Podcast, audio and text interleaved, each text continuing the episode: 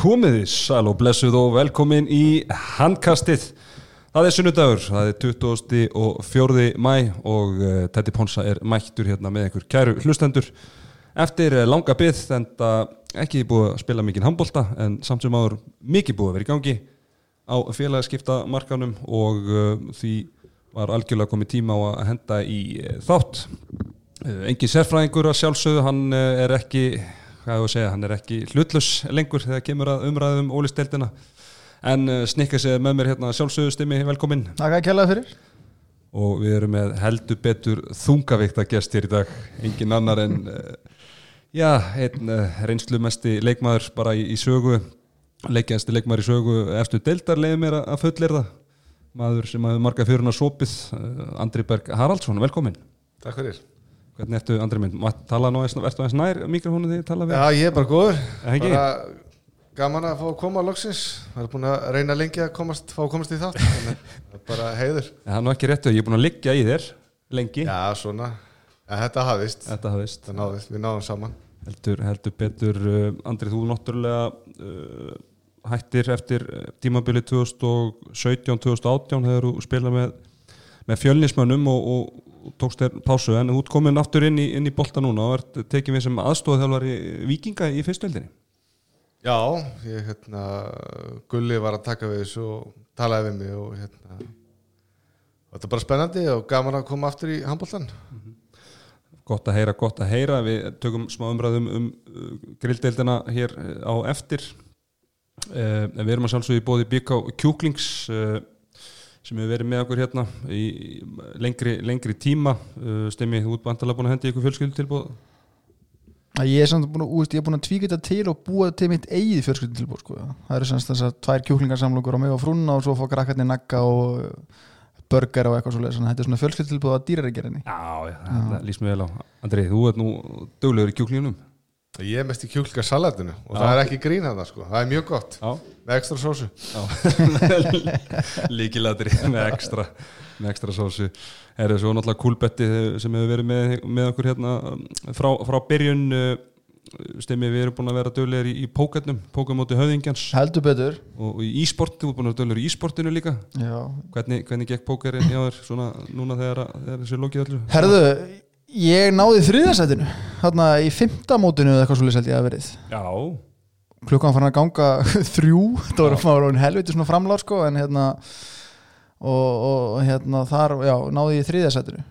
Lendi á lokaborð með viðar erfni og einhverjum svona fleirum Já, og hérna en þurfti að, þurfti að lúta í lagra haldi fyrir einhverjum ég man ekki eins og hvað hann heitir eitthvað milk machine eða eitthvað svolítið sem tók mig út ás, gósa á móti ás drottningu, lítið við því að gera nei, nei, það er bara svo það það er er. svo það er. Ha, Já, já, ég held að ég náði hérna 17. sætið eitthvað. Það var, það var ágætt fyrir mann sem að getur lítið sem ekkert í póker en, en það er önnur, önnur saga. Heyrðu, en, en svo er líka bara boltinn byrjar að, rúla og, og hann er hérna nú geta uh, getspakir uh, notendur byrja, að veðja á alvöru íþróttir. Það er nú, það nú meirinn að segja svona síðustu, á þessu síðustu og þessu tímum. Já, það er örlítið skemmtilega myndi ég segja, heldur en að vera að veðja okkur að stráka að spila e-sport, þótt að það sé heldur örgulega reynda framtíðin sko en, en maður er aðeins svona, maður er aðeins betur að sér í þýska boltanum heldur en í Counter-Strike Go. Heldur að horfa okkur gæja rungalánum í, í, í Counter-Strike. Ég ætla nú ekki að vera samt að styggja þennan hóp, þetta er, þetta er, þetta er ört vaksandi hópur manna held ég aðalega sem eru í, í hérna þessu og, og varlega Já, ég veit það, ég hef mitt hugsaði shit En hérna, já, ég ætla nú ekki að fara að styggja það Því að ég uh, gerði segur í, í, í þessu ástandi að- að að stilla nú e-sport síðu stöðuvar tvö og hérna fylgjast með einu, með einu tveimur leikjum sko, en, ég veit að ég ætti ekki breyk hérna sko. mm. Já, já, það er, það er gaman að þessu uh, uh, Drengir, við skulum bara byrja að ræða boltan sjálfan Byrjum aðeins á grillinu Andri, þú náttúrulega eins og við nefndum á hann tengið við sem aðstofþjálfur í Vikings svona ungt og, ungt og spennandi projekt sem erum í gangi þar meðal annars hérna, jú, Jóhannes Berg sem er afar efnileg hæri skitta. Já. Hvernig hérna, líst þið svona á tímbili? Nú er búin að hérna, berast fréttir af því að bæði Kría og Vangi Júpiters og mæta beint í grilldeildina. Það er sem sagt eitthvað svona áherslu breytingar hjá HSI að, að þessi lið þurft alltaf að vera í annar deildinni. Mm. en núna hafa þau rauninni fórgang á auðliðin að vera í, í, grilldeildinni. Þannig að og jafnvel talað um að hörður verði líka í fyrstuheldinni er, er þetta ekki miklu skemmtilegur að fá þessi liðin heldur en að vera með endalust að ykkur mögulegum? Jó, ekki spurning sko. Mér finnst það bara mjög jákvæmt og hérna að fá hérna sagt, ja, svona alvöru lið, ekki þessu ulið þótt að þau séu líka fín en mér finnst það bara frábært. Og ég vona bara að hörður verði líka með. Styrkja landsbyðina og hérna og maður heyrt að eins og Vangi Júpiters þeir séu að reyna að styrkja sig þannig að hérna mér finnst bara mjög vel á þetta sko. Og eru heldur betur búin að heldur betur búin að vera hérna eh, tilkynna núna síðustu daga. Bara, ég meina leikmenn sem eru bara flottir á, á fyrstu dildamenni hverja, ég meina menn eins og Andri Hjartar sem er mikla reynslu úr, úr stjórnunni og, og hann hérna Aron sem að sem, að, sem að var í þrótti og var í gróttu þar áður og bara mjög góðu fyrstöldarleikmaður og, og fleiri. Svo voru þeir nú með- eitthvað könnun í gerð þar sem að á Twitter Já, já, hver, að- hver er verið næsta sæn og þar uh, var nú nafn mitt þarna nefnt og sigraði með yfirbyrðum en ég get nú sagt að hér að ég er ekki að fara að spila með vangi Júbit þess á, á næsta tímabili. Nei, ég myndi frekar henda dúlunum mínum á e-sportleik heldur, en að- heldur en að þú erum eftir að parka þetta Já, eftir henda, henda, það er svo gaman að því að fólk hafi trúið að ég hendi kompáknum með 72 en, en það er ekki að fara að gerast. Það, það er nú bara þannig. En það er nú meira í, í gangi en ég minna að það er Lagstall sem að mikla reynslu náttúrulega var aðeins með gróttun í síðasta, síðasta vetur og, og hérna Kúlbett kongurinn eins og við köllum hann hann er búin að segja að hann ætla að spila með grífunni já, já, það er náttúrulega bara klassa leikmaður í, í grillinu sko. Þannig að mér bara, það bara frábært að fá sér lið og líka að þau hafið metnað Mhm. og sé að styrkja sig. Þannig að ég held að grillið verði bara spennandi á næsta ári. Líka sko það sem þessi lið hafa kannski umfram öliðin er að það kemur svona smá buss í kringu þau eru með Twitter síður og er aðeins að þessu upp á hæra level, þú veist, ég sá krí oft fyrir hendin úrslutu, þú veist, ég vissi stundum meira hvernig leikir á krí hefði farið vetur í annar deildinni heldur en það sem var að gerast ölið á mútu ölið í þetta grillinu, þannig að ég hugsa að trúa að þessi lið geti svona kannski hýft deildinu upp á aðeins hæra plan með svona, veist, um, svona umfjöllun á eigin vegum á samfélagsmiðlum. Já, algjörlega, og mann alltaf þekki það sjálfur þegar ég var í svo IH-projekti aðna fyrir einhverjum ára síðan að að ég held að það er bara lífgað upp á upp deildina. Það voru svona bara metnaðfullir svona fimmanna hópur eða hvað það var sem að heldur rosalega vel utanum þetta og, voru mjög aktífir í að á samfélagsmiðlum annað svona að, peppa þetta sko. Þannig að bara, maður svona sýnist sama að vera í gangi einmitt með kríu og, vangina sko. Já, og verið gaman bara ef okkar félagar í Kúlbætt myndu jafnvel henda einhverjum umförðum inn til að gera þetta mér skemmt Já, tala nú ekki um það maður. Mm. það væri nú hel- ansi mikið vista og hérna, svo náttúrulega háká þeir eru búin að vera duglegar á, á, á markanum Já, þeir fengur náttúrulega feitasta bitan Jóhanbergi, það er ljóst.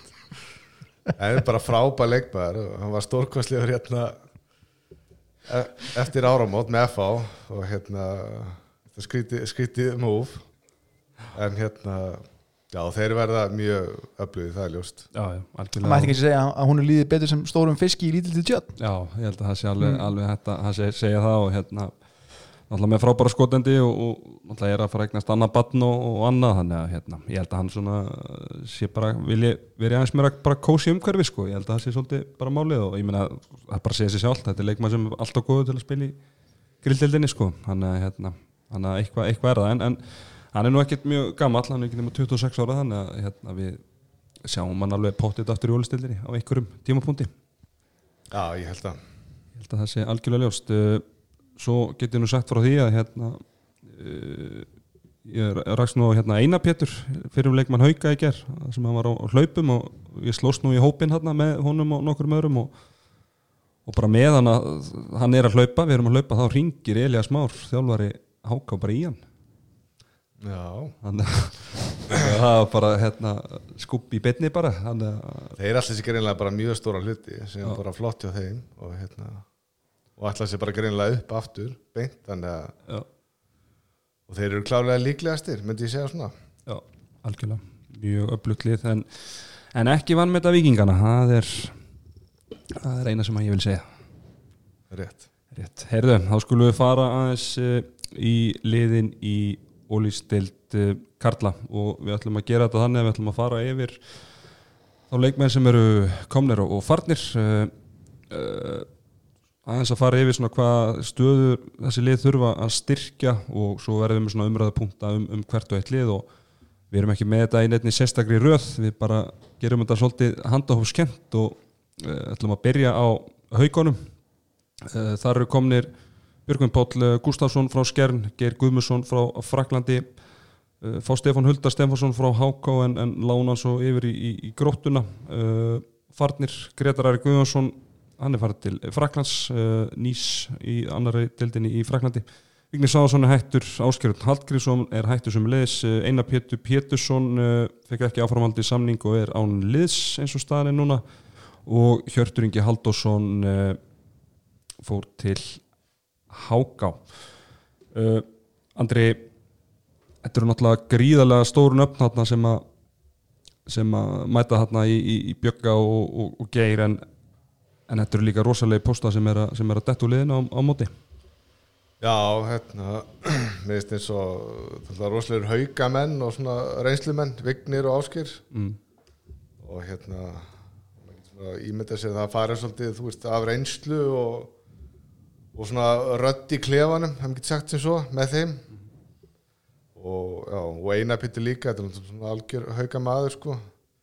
En þeir eru að fá hérna Bjögga og Geir Guðmus þannig að Já, ég veit ekki hvort þeir eru veikari eða sterkari heldur enn í fyrra, ég er bara það er ómöld að segja sko.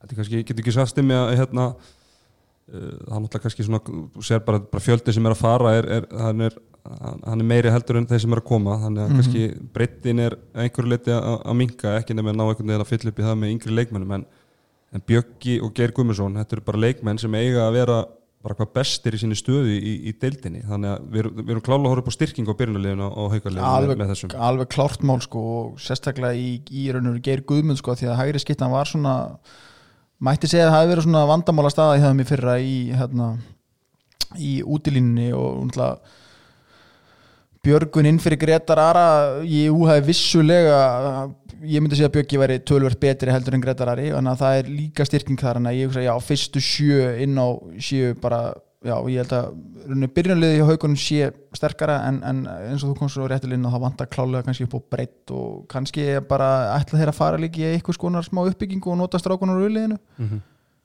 menn þetta var eitt sterkasta auðliði fyrir það ekki?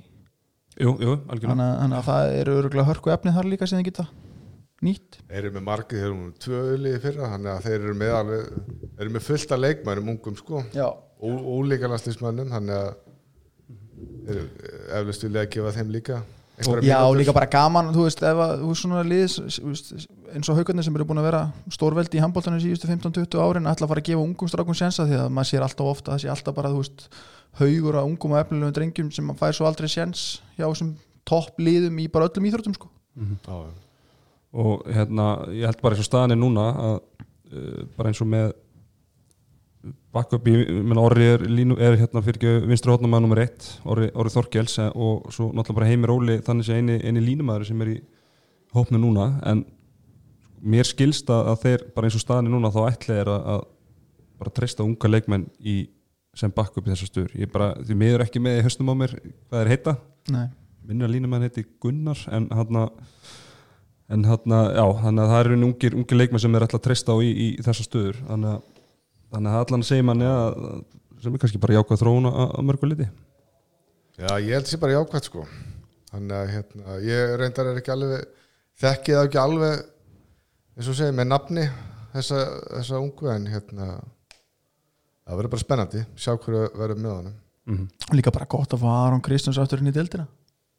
Já, já, það er náttúrulega það er mjög, mjög spennandi það er alvöru, alvöru, þjálfari.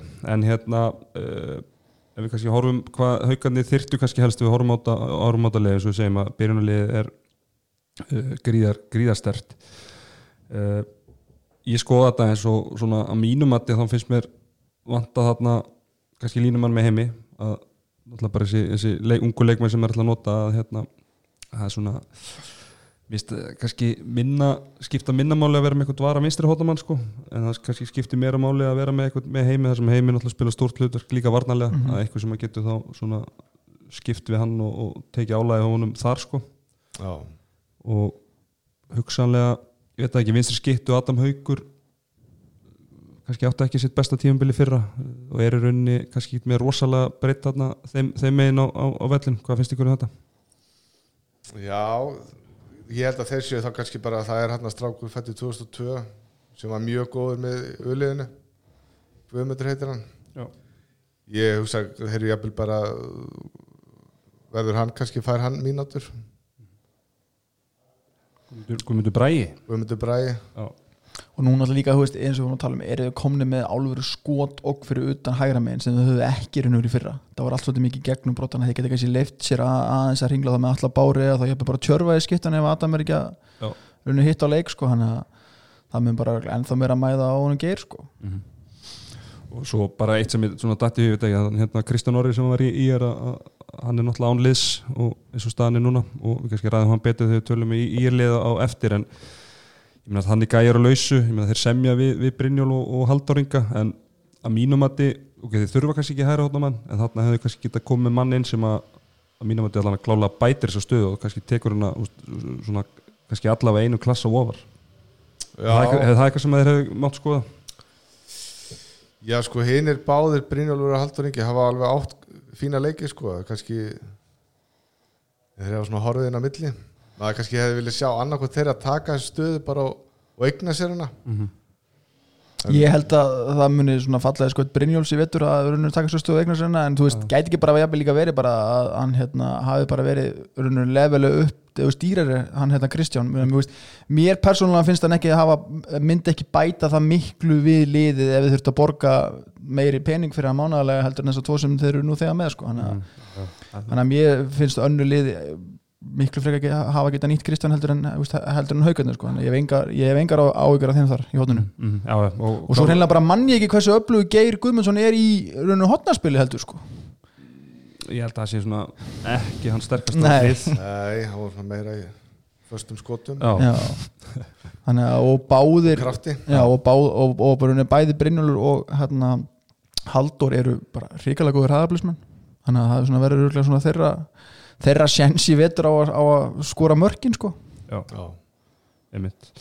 Herru, svo hérna einn svona móli varandi haugana hérna, það eru markmannsmálin. Að þeir eru búin að vera svolítið aðteklisverð núna á, á, á síðustu, síðustu vikum. Þeir náttúrulega fá Bjögga heim uh, og þá náttúrulega stefnir í að við séum með Bjögga, Gretar og, og Andra Skeving uh, Greta fer, fer náttúrulega svo hérna til Fraklands og Andri Skeving var búin að óska eftir að fara á lán bara vildi, vildi fá að spila og þá sækja er Stefán Huldar bara til að vera þá varamarkmaður með, með Bjögga og svo er þetta bara komið í það að bæði stjarnan og, og Selfoss voru á eftir honum og, og var vist bara svona nokkuð langt komið en, en á síðustu stundu þá, þá hættir Andri Skeving við og sem verður til og vill bara vera áfram með haukun sem verður til þess að, að, að hérna, Stefán Hulda fyrir grótuna já. og ég meina þetta eru liðið stjarnan og Selfoss sem að vantar tilfinnilega margmann ekki svolítið svona smá sorglegt að Andri Skeving að fara að vera bara ég meina vera, ef er alltaf eðlilegt þá verður bara varamarkmaður í veitur. Jú, það hefur verið ákjósalegt fyrir hann að fá að vera Já, alltaf hann að svona að berjast um það að vera fyrst í markmanna því ef, ef Bjöggi er bara spilar að eðlur getu þá er hann alltaf besti markmanna deildarinnar á næsta ári og verður alltaf þarna nummer eitt þannig að jú, mér veist það svolítið skrítið. En maður veit ekki hvað hefur gæst baku tjöldin sko, þetta er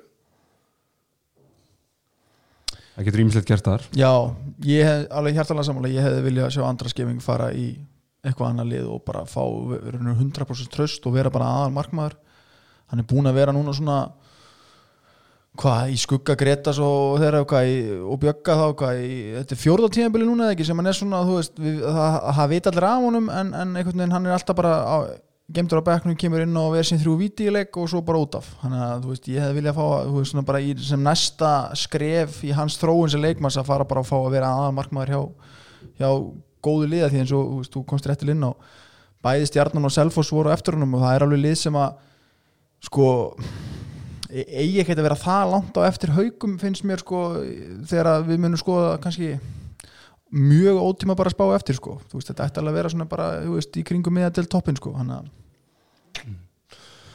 algjörlega herrið þá skulum við eh, segja skilja við haugana en uh, farum ykkur ekki langt um, um set. Við förum í, í, í segja, norð, norðaustu, norðaustubæðin í Afnafyrði og förum í Kaplagrika það sem að F-fáingar uh, er nú ekki búið að vera eh, miklar reyfingar þar en það svo sem vel mannaðir í, í flestum stöðum. Uh, þeir eru einungis búin að fá Eirík Gunna Þórarinsson frá Háká og þeir sem eru farnir er Jóhann Birgir eins og við tölum á hann, hann er farin í Háká og Sigurður Dan Óskarsson farin í stjörnuna, uh, ungu markmaður uh, sem var þriði markmaður F-fangi fyrir og ég, hann spilaði hann hefur kannski verið í hópi í einhverjum örfáum leikjum en hann, hann svo sem var ekki stóru ekki bara í neinu hlutverki hjá, hjá FH í fyrra þannig að það er svona valla hægt að tala um það en uh, Andri hefur þið viljað sjá eitthvað vilja sjá eitthvað svona meiri virkari leikmannam leikmannaglugga hjá FH eða eru þau kannski bara það vel mannaðir að, þetta, er bara eðlilegt að, Sko- að halda, halda í horfinu? Ég fannst, þeir voru í basli fyrir áramót og hérna að vanta svona sóknin var svona, svona styrði eða svona, já, fannst manni svona einhæf svolítið á köflum. En svo þegar Jóhanbyggi kom inn eftir áramót þá var bara einhvern veginn það, hann var einhvern veginn, einhvern veginn svona X-faktorin sem vantaði. Og ég, mér, mér finnst það fyrir F var að slæmt að missa hann. Það er bara hann var frábær á köflum og var að klára átt leiki þannig að hérna Ég finnst þér þeir náttúrulega eru með Egil Magnússon sem spila náttúrulega ekki mikið og er mikið meittur og hérna Bjarni Ófur er nýbúin að semja við og áfram. já, já, það er flott fyrir það en ég þeir eru vel mannaðir sko en, en þeir munu sjá eftir Jóhanni Birki. Já, er þetta ekki svolítið góða punktur hjá andrastimi, ég meina við horfum áttu F-alið stöðu fyrir stöðu og það eru rosalega, rosalega vel mannaðir og, og bara með góða breytt og, og allt það en þetta er svona lið sem að spila svolítið svona systematískan handbólta mm þá er svo gott að vera með einn leikmann eins og Jóhann Birki sem getur komið og, og, og sprengt þetta upp. Ef þetta, er, ef þetta er ekki að ganga og þarf kannski aðeins að fara að brjóta það út úr, út úr systeminu skiluru og ég meina ég sé ekki en að leikmann í leikmann á BF í dag sem, að, sem hefur þessa eiginleika. Nei og svo er það líka bara holdt og gott fyrir öll þessi lið svona bara að fá tvo, þrjá nýja mennin í klefa aðeins bara til þess að þú veist hrist upp í mannskapnum og svo leiðis en það er alveg hár réttjáður en svo kannski bara telja F-fæðingar ekki sér hafa bara fundið þann leikmann á markanum sem þeir vilja og, þú veist, þeir eru kannski ennþá með augun opin, ég veit ekki hvort þið horfa út fyrir landsteinan eða hvort þeir eru bara að rauninu bara, já, keira á þessu liði sem er núna. Þeir voru á mikill uppleið Dölurinn var, hann var góður stígandi í hans leik og hann náttúrulega verður áfram. Þannig að ég þú veist, hef svo sem engar áhyggjur af FH fyrir rauninu næsta tíðanbíl sko. Að það er kannski bara ási sér eldast en hann einhvern veginn setur alltaf sokkjum sko. hann verður bara betri með hverju árunum sko. Já, ég vil, hann er alveg nóg eftir maður og svo er spurning, þið tveið kannski þekkja það betur þú veist, með yngri, með yngri hérna, kynslána hvort það sé einhverju menn að koma upp sem getur, þú veist, svona Já, ég meina maður sér allan að sérstaklega Jó er, Jó er farin í háka að Einar Sindra kannski fáið starra hlutur á, Já, á næst tíum það er efnilegu strákur sko já, sem er svona svolítið hann er samt með svolítið svona uh, talsvert aðra eiginleika en, en, en Jói sko mm Mhm. En að öðru leiti er ekkit eitthvað neitt uh, rosalega mikið svona, sem, er eitthvað, finnst- sem er eitthvað að fara að banka dyrnar í meistarflokki sko. mér veist bara við um að fá nýtt vídeo af Agli, af því að hann spilaði svo lítið í fyrra. Já, við kynum hann bara búin nýtt og núna bara í ár spilar hann eitthvað greið sko. ég ætla að vona að hann verði bara ekki svona þjakaður að meðslum en þú veist, líkurnar það eru svo sem ekki með honum í hann, þú veist, hann er búin að vera í meðslum bara held í öll hans tímabil sem hann hefur verið að spila á hæsta hérna, leveli þannig að hérna, en ég- það er óskand að hann komi sér í ganga aftur af því að þá verða F-að einhvern veginn íll viðraðanlegi sko. já, algjörlega. Það getur verið algjört líkilatrið fyrir þá ef þeir ná honum í gang sko. Það er bara frábær leikmaður þegar hann er heill. Já, einmitt, þegar er líkilorðið í, í þeirri setningu.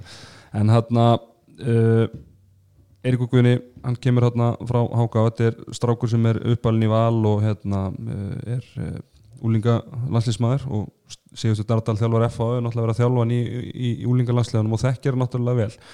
Sko, þegar ég sá, sá, sá þessa tilkynningu að þá fannst mér þetta svolítið sérstakt að, að því leiti að, að uh, Jón Bjarni Ólafsson við nú talaðum að hérna það verið kannski svolítið veik eh, svona, eða þú veist að vanta betra bakk upp með, með Ágústi Birgis en hann var heldur betur búin að stígu upp eh, fyrir áður en að deildin deildin stúrlega var áður en að hérna, deildin var slúta og búin að spila frábælega bara í vörn og sókn leikina þar á undan.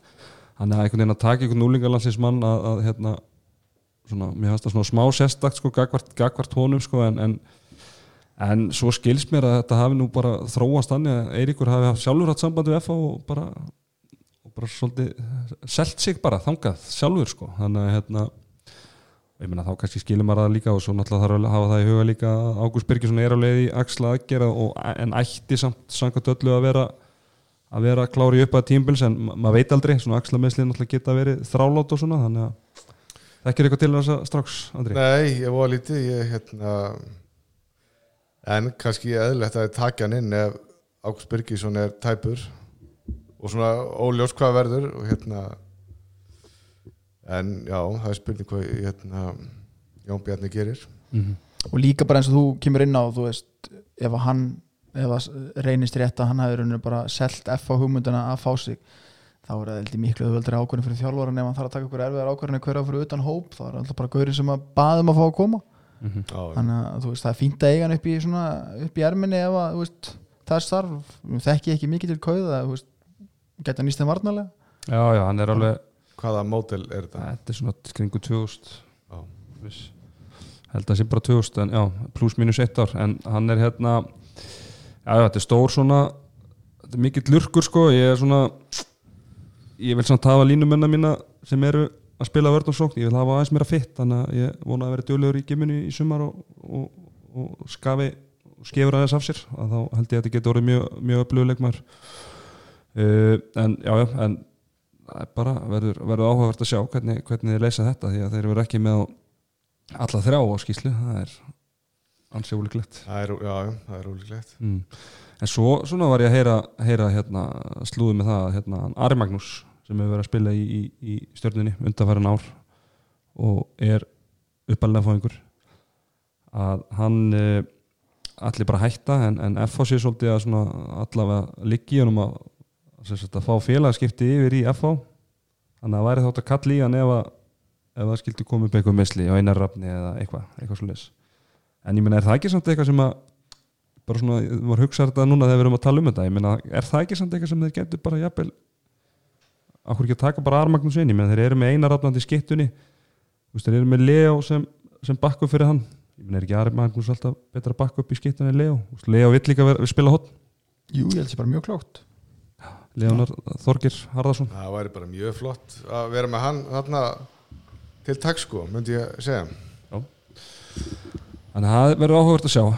Fannst mér, það var hérna skemmtlegt í, í vikunni að hérna, Daniel Fyrir Andrisson uh, fyrirvændi markmaður vals sem er að núna leiðin til Svíþjór Eskilstúna uh, hann var í vittali á stöðtöu í vikunni þar sem að hann segist vilja spila fyrir FH, það sé draumur hjá hann að spila fyrir FH orðina ferðlinu líkur Já, það er svo sem kemur ekkert á orð það er náttúrulega rosalega mikill F-fáingur og hérna á frábæri F og hérna mörgum var skrítið þegar hann kom tilbaka og fór í val. Mm -hmm. en hérna ég hafa verið bara menn þurfa að fyrir salt í grötin. Jú, jú, þú lifir ekki á loftinu einu. En uh, hérna já, ég, það kemur mér ekki á orð þótt að hann kemur tilbaka einhvern tímann og myndi enda þetta með F Já, algjörlega. Uh, Týndi sonurinn kemur heim og, og allt það. Erum strákar, þá skulum við henda okkur til uh, Vestmanneja IPVAF uh, Þar eru komnir Ásker Snær Vignesson hægri skitta frá Val og Sýtirkur Daði Rúnarsson kemur frá Þískalandi fáum loksins að sjá hann í, í deildinni hérna heima, sonur Rúnars Sýtrikssonar og bara fyrir um úlingalandsismöður uh, og þeir sem eru farnir, Kristján Öll Kristjánsson Donni, hann er farið til Fraklands og, og, og Sigurbergur Sveinsson, hann er hann er hættur uh, strákar svona, ef maður horfir á þetta uh, ég meina Áskil Snæri vexus Donni það er náttúrulega bara uh, gríðarlega veiking á, á, á svona leikmann fyrir leikmann, bara ef við tölum hreint út. Já, bara algjörlega sko. Donni var frábær, mér fannst hann besti leikmar í í fyrra. Mhm. og hérna já, það verður bara mjög erfitt fyrir ásker að fylla hans skar sko. Ég sé það ekki alveg gerast. Nei, nei, hann þarf allan að stíga veruleg upp. Já, og ég meina, já, hann að verður verður áhvert að sjá. Svo skoðum að, Sigtrygg versus uh, Begga, hann náttúrulega uh, Sigtrygg verður náttúrulega langt í land með að ná því, því leveli sem að Beggi náði þegar hann var upp á sitt, upp á sitt besta en, en, en við horfum á þetta bara síðasta tíumbila þá náttúrulega var hann bara veist, það var alltaf að ræða um Begga í fyrra hann, hann spila Final Four og svo var það alltaf neitt mikið meira en það sko Já, ef við erum að skoða tímabili fyrra þá náttúrulega er þetta klálega styrking bara ef við- leikmaður Já, bara inn í í sko. hérna, fjölu okkar hann Hjörður Hafliðarsson þú veist að availability is the best ability sko, Já. að þú veist þannig að þá komið maður sem að allan að ég veit ekki með, þú veist, allan að mikið um meðslasögu hans en ég held, en mér skilst hann hafa nú þokkalega hraustur Mhm. þannig að það er komið mann sem að er klári í slæðin alltaf búið að sorga að segja með meðsli en þú veist ef við tökum pík Begga á móti pík Seitriki þá náttúrulega er þetta klálega veiking. En, en ég, þetta er, þetta er, þetta er allan að svona minna transition heldur en við erum að sjá kannski hérna áskif þessu stóna Já, einmitt.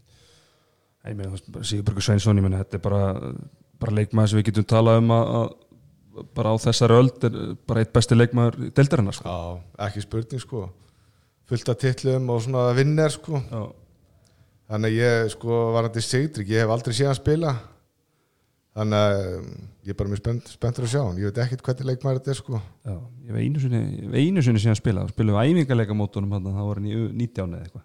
Já, hann er svona, þetta er hann er ekkert svona ósvipaður allavega svona, kannski fannari svona í, fannari fyrir ykkur svona í, í holningu Pá- og power. já, svona power power leikmaður, en hérna getur sett upp leikin og, og svona, en hann er ég held að það sé meiri miðumæður skitta sko. þannig að það verður gaman að sjá hvor, hvor þeirra verði þá miðumæður sko, ef þeir eru báður inn á. Já, já, dagur. Já, ég er, að segja- ef þeir eru báður inn á sko, ef dagur er ekki inn á. Þessi fallegi dagur en hérna, já uh, svona ef við skorum ef við svona gerum uh, smá þarfagreiningu á þessu IBF-lið að þá er í rauninni bara svona það sem öskrar á manna að jú, þeir eru með náttúrulega vel mannar í, öllu stöðum en við setjum spurningamörki við hægri skittu stöðuna að hvort þið þyrftu kannski einhverja skittu með áskeri til að til svona kannski aðeins að létta hans byrðum hérna í, í, mm í með, með, með þessa stöðu. Já, en svo komum við nú það, þú veist, hvernig ætlar að selja, þú veist, það er örugglega erfitt fyrir eigamenn ef hann er ekki, þarf að segja til í vestmannum þessi hægri skitta upp, upp, upp balinn það er örugglega erfitt að selja manni það að koma og deila mjöndum en að ef að Teddy er hill, þá getur Teddy alveg farað inn og leist þetta. Mm uh, þú veist, við sáum það á móti afturhendingu fyrra, voru ekki þá bara rauninu, dagur, hákondaði og hérna, bróður hans fyrir utan, Já, allir réttindir já, ég heldur geti hafa alveg verkværin til þess að leysa þessa stöðu allan að svona eins og, eins og hópurinn er samsettur í dag sko. Já, eins og segir, Teddy getur líka list þetta og, og svona sko þannig að gæti komið útlætingur já, er hann og slis stanga já, Já. einn og einn. En já, það er kannski svona, kannski dreifur ykkur á umræðapunktinum svona allan að fyrir mitt leiti, þá bjóst maður kannski við svona meiri eh, og- eða betri styrkingu hjá, hjá IBVF eh, hvað segjum það, eru þau kannski bara eru þau kannski ekki tættir? Alltaf nóg eftir að að ég, klukkanum? ég held að þú hafa, hafa mörg lið bara haldið þessum höndum núna í þessu COVID ástandi þannig að ég eins og að ég kemur ekki ávart að og þess að ég hafa eitthvað fyrir í því sko. Er það ekki rétt mjög nefnir þetta, þú kannski leiðir eftir ef að þú er ekki hert þetta, menn er svona einhvern veginn í gegnum tíðinu sem maður har heyrt svona stundum að þú veist, það er alltaf settið meiri peningar svona í annan, annan boltan umfram hinn sko, og nú er handboltin svolítið búin að njóta gósa þessu undanfærin ár.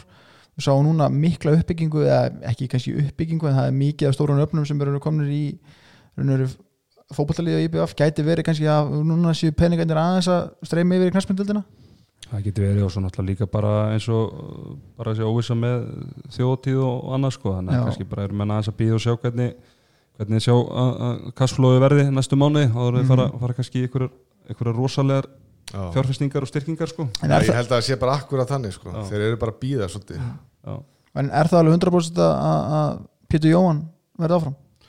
Já ég veit ekki betur Nei. ég bara hef ekki heyrt neitt annað sko þannig að hérna, ef að það er ekki þá náttúrulega þurfa þær að sækja sér markmann þannig að það verður Svo er, svo er einmitt spurning út að Magnús Stefánsson fara að fara sko þessi hættur aftur og byrja svo inn í, í nóvember eins og ég var Já, þetta er, Andrið, þú ert ánæðið með svona að menn síðast ára hættir og svo mætaði bara Já, sleppa Já, út í hafa, sleppa út í löpinn og allt þetta maður. Já, það er freistandi.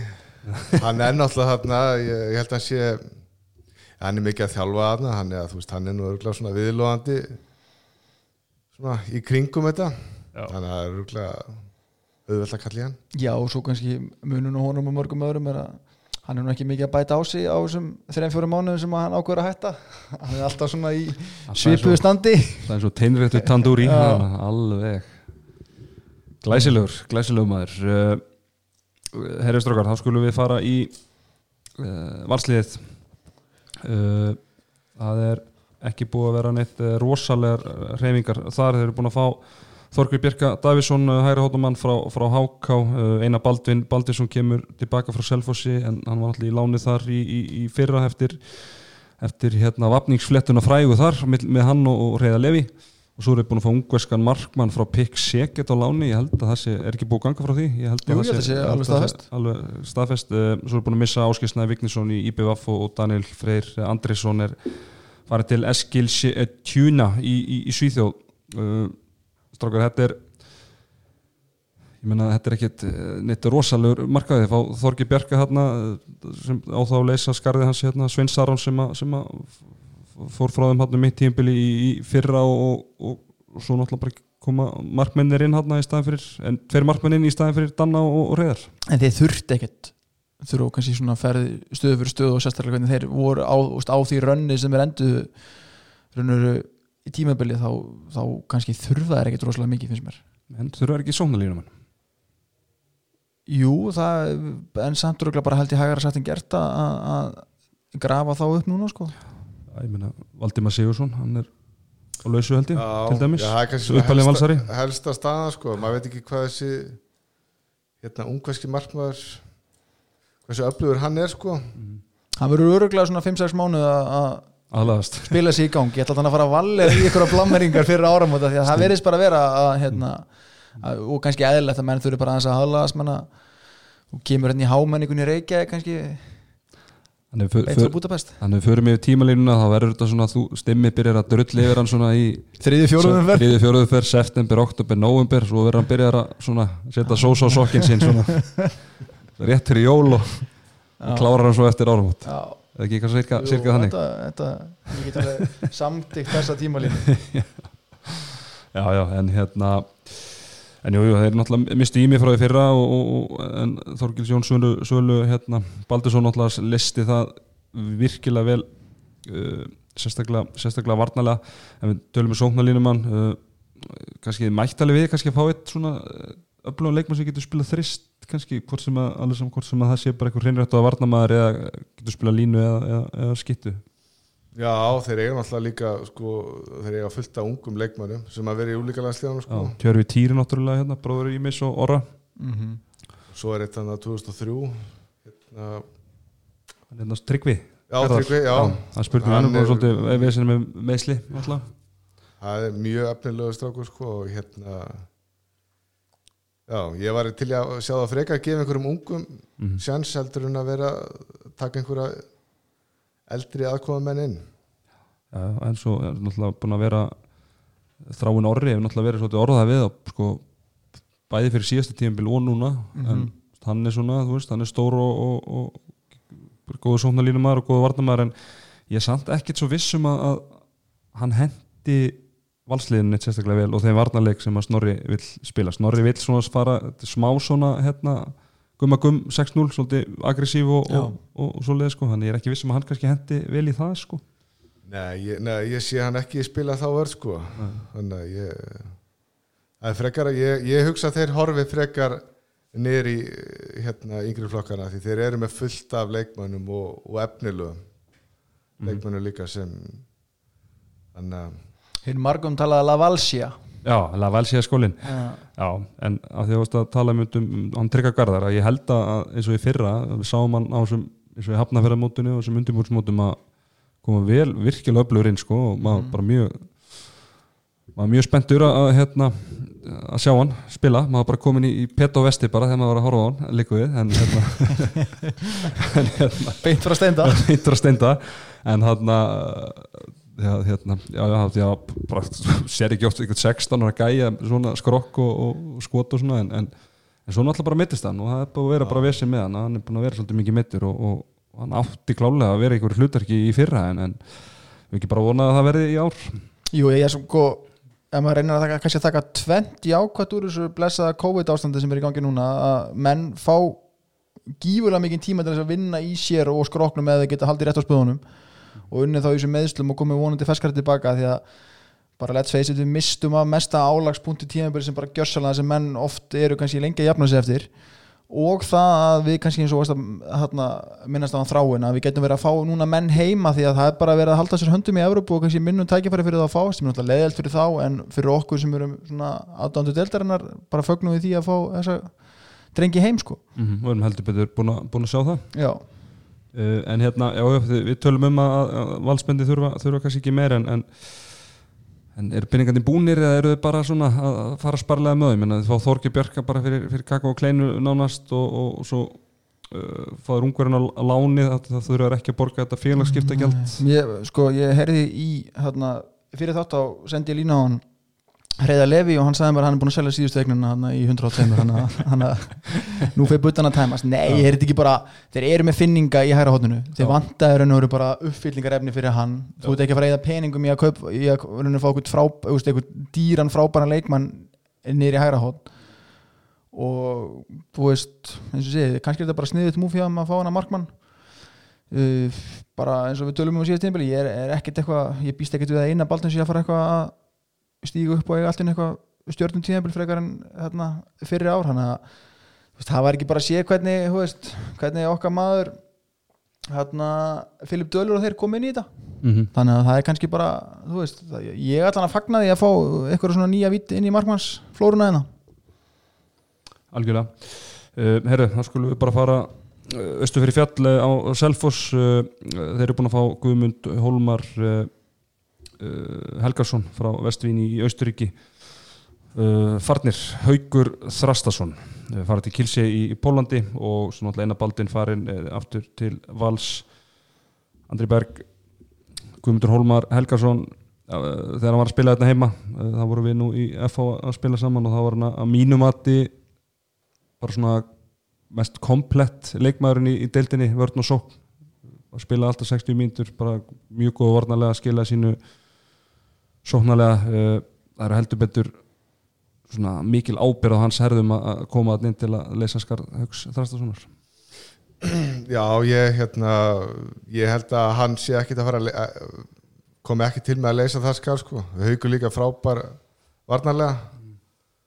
Og hérna, ég veit, sem, ég veit ekki alveg stöðuna á Guðmundur Hólmari, hvernig hann hefur verið að spila hann út í síðust ára, allan ekki ekki farið mikið fyrir fréttum að því en hérna já, ég meina, flottu leikmaður og allt það, en hérna það er rosalega missir í haugið þrastasinni fyrir það og ég meina Gumi hann náttúrulega hérna, lendir í erfið meðslum og, og svona úti en ég meina hann var á tímapunkti búin að spila sér nánast inn í byrjunliði í íslenska, íslenska landsliðinu Já. þegar að, hérna, var ekki það Geir Svens var, var, var með liði hann er hérna hann er, en jú, að sjálfsögðu að sjálfsögðu náttúrulega Haukur Þrastason skar sem að er bara hérna ómögulegt að, að fylla en, en, en stemmi Guðmundur Hólmar er þetta ekki kannski ekki bara eins gott og, og þeir gátu bara með eitthvað markaður bauð upp á Jú. að fá hann Jú, ég held að þú, þú veist, getur ennur ekkert fyllt eins og, eins og hann andri kom inn að þú fyllir aldrei upp í þetta skarð sem hann nema þá myndir bara fara á Pálmásson eða eitthvað heimskilur en þú, veist, þú fyllir ekkert upp í þetta skarð þannig að ég hugsa að það sem var í bóða markanum þá held ég að Guðmundur Hólma sé bara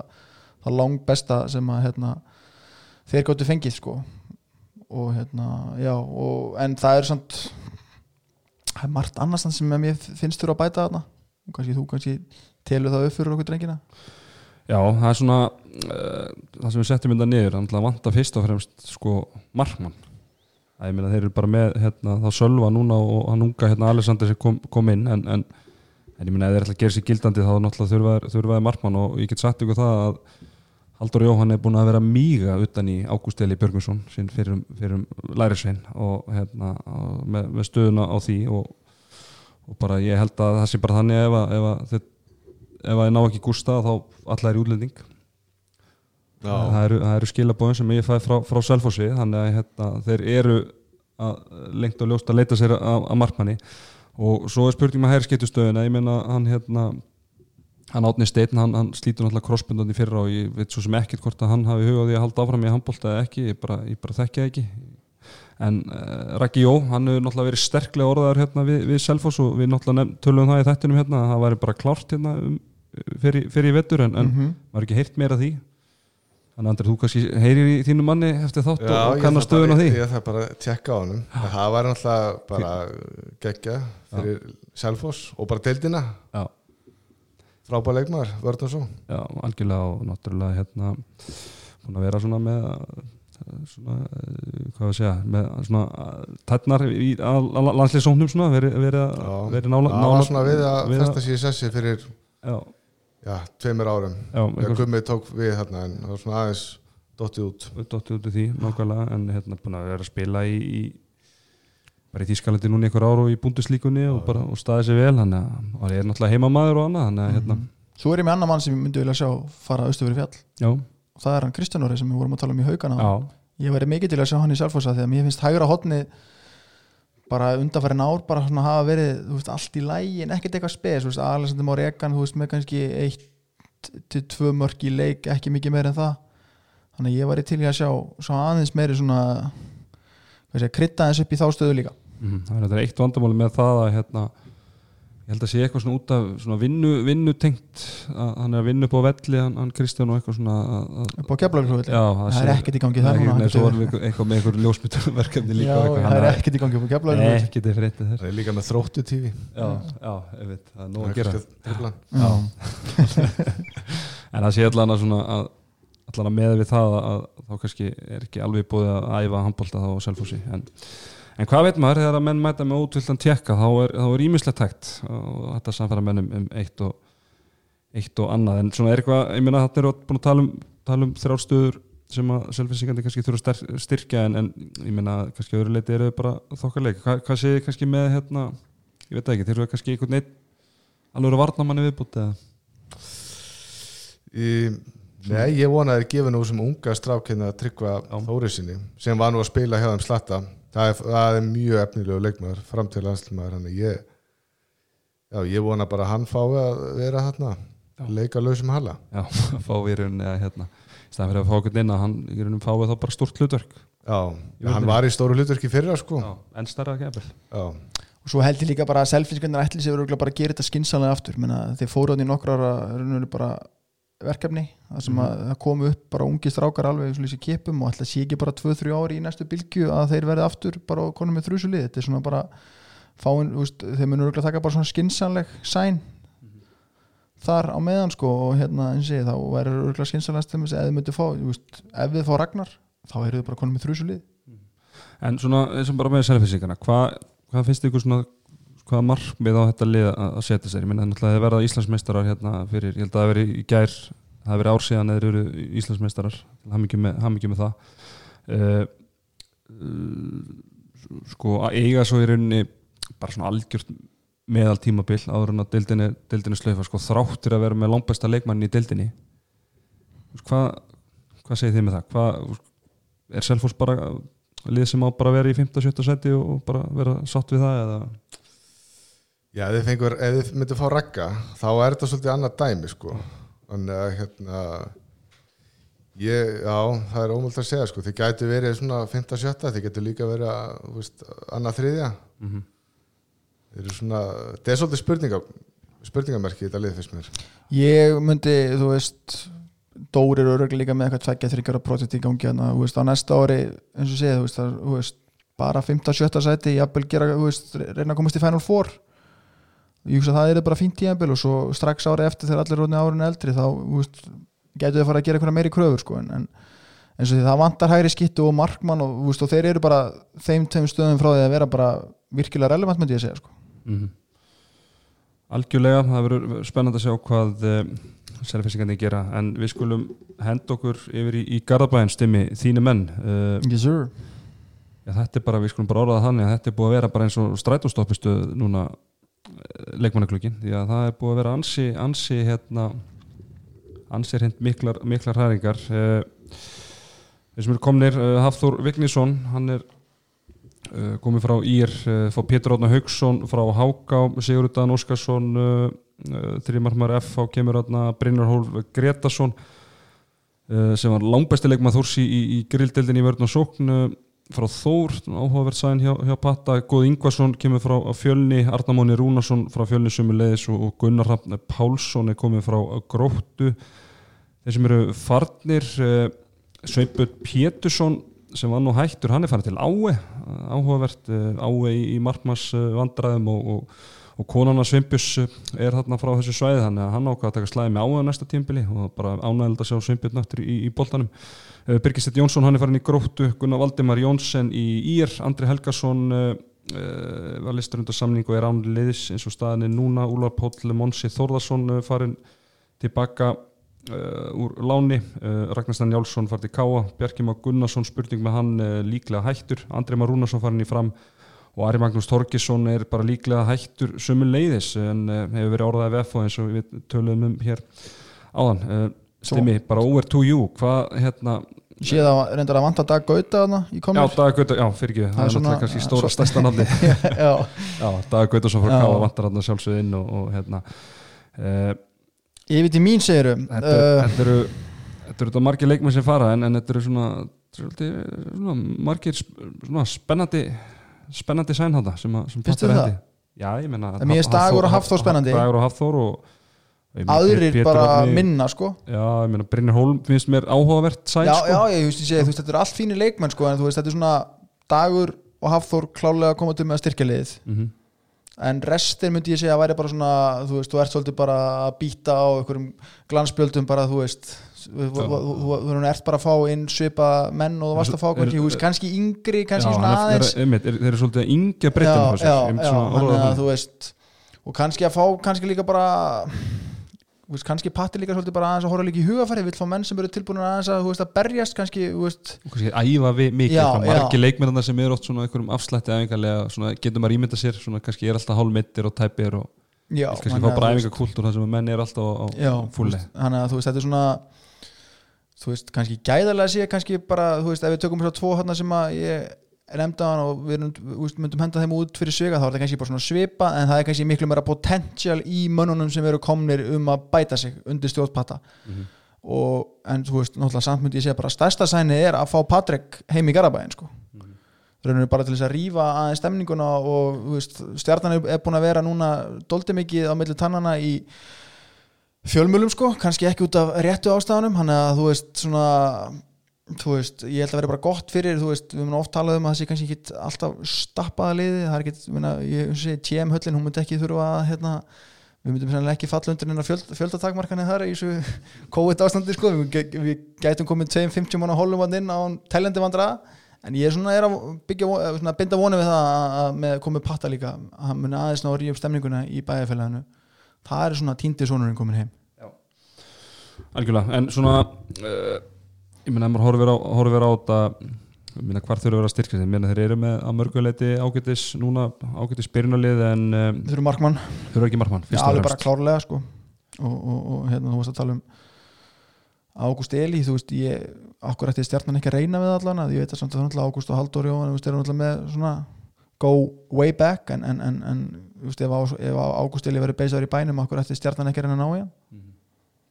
Það hlýtur að dett inn eitthvað stórt nafnanda á næstunni, ég, þú veist, í sumar. Ég bara trú ekki öðru, sko. Var, maður er alltaf að býða eftir því, sko. Já, patta að koma heim og svona en, þú veist, já maður átti vonað að þeir myndi taka eitthvað stráku sem voru að koma heimað utan, sko.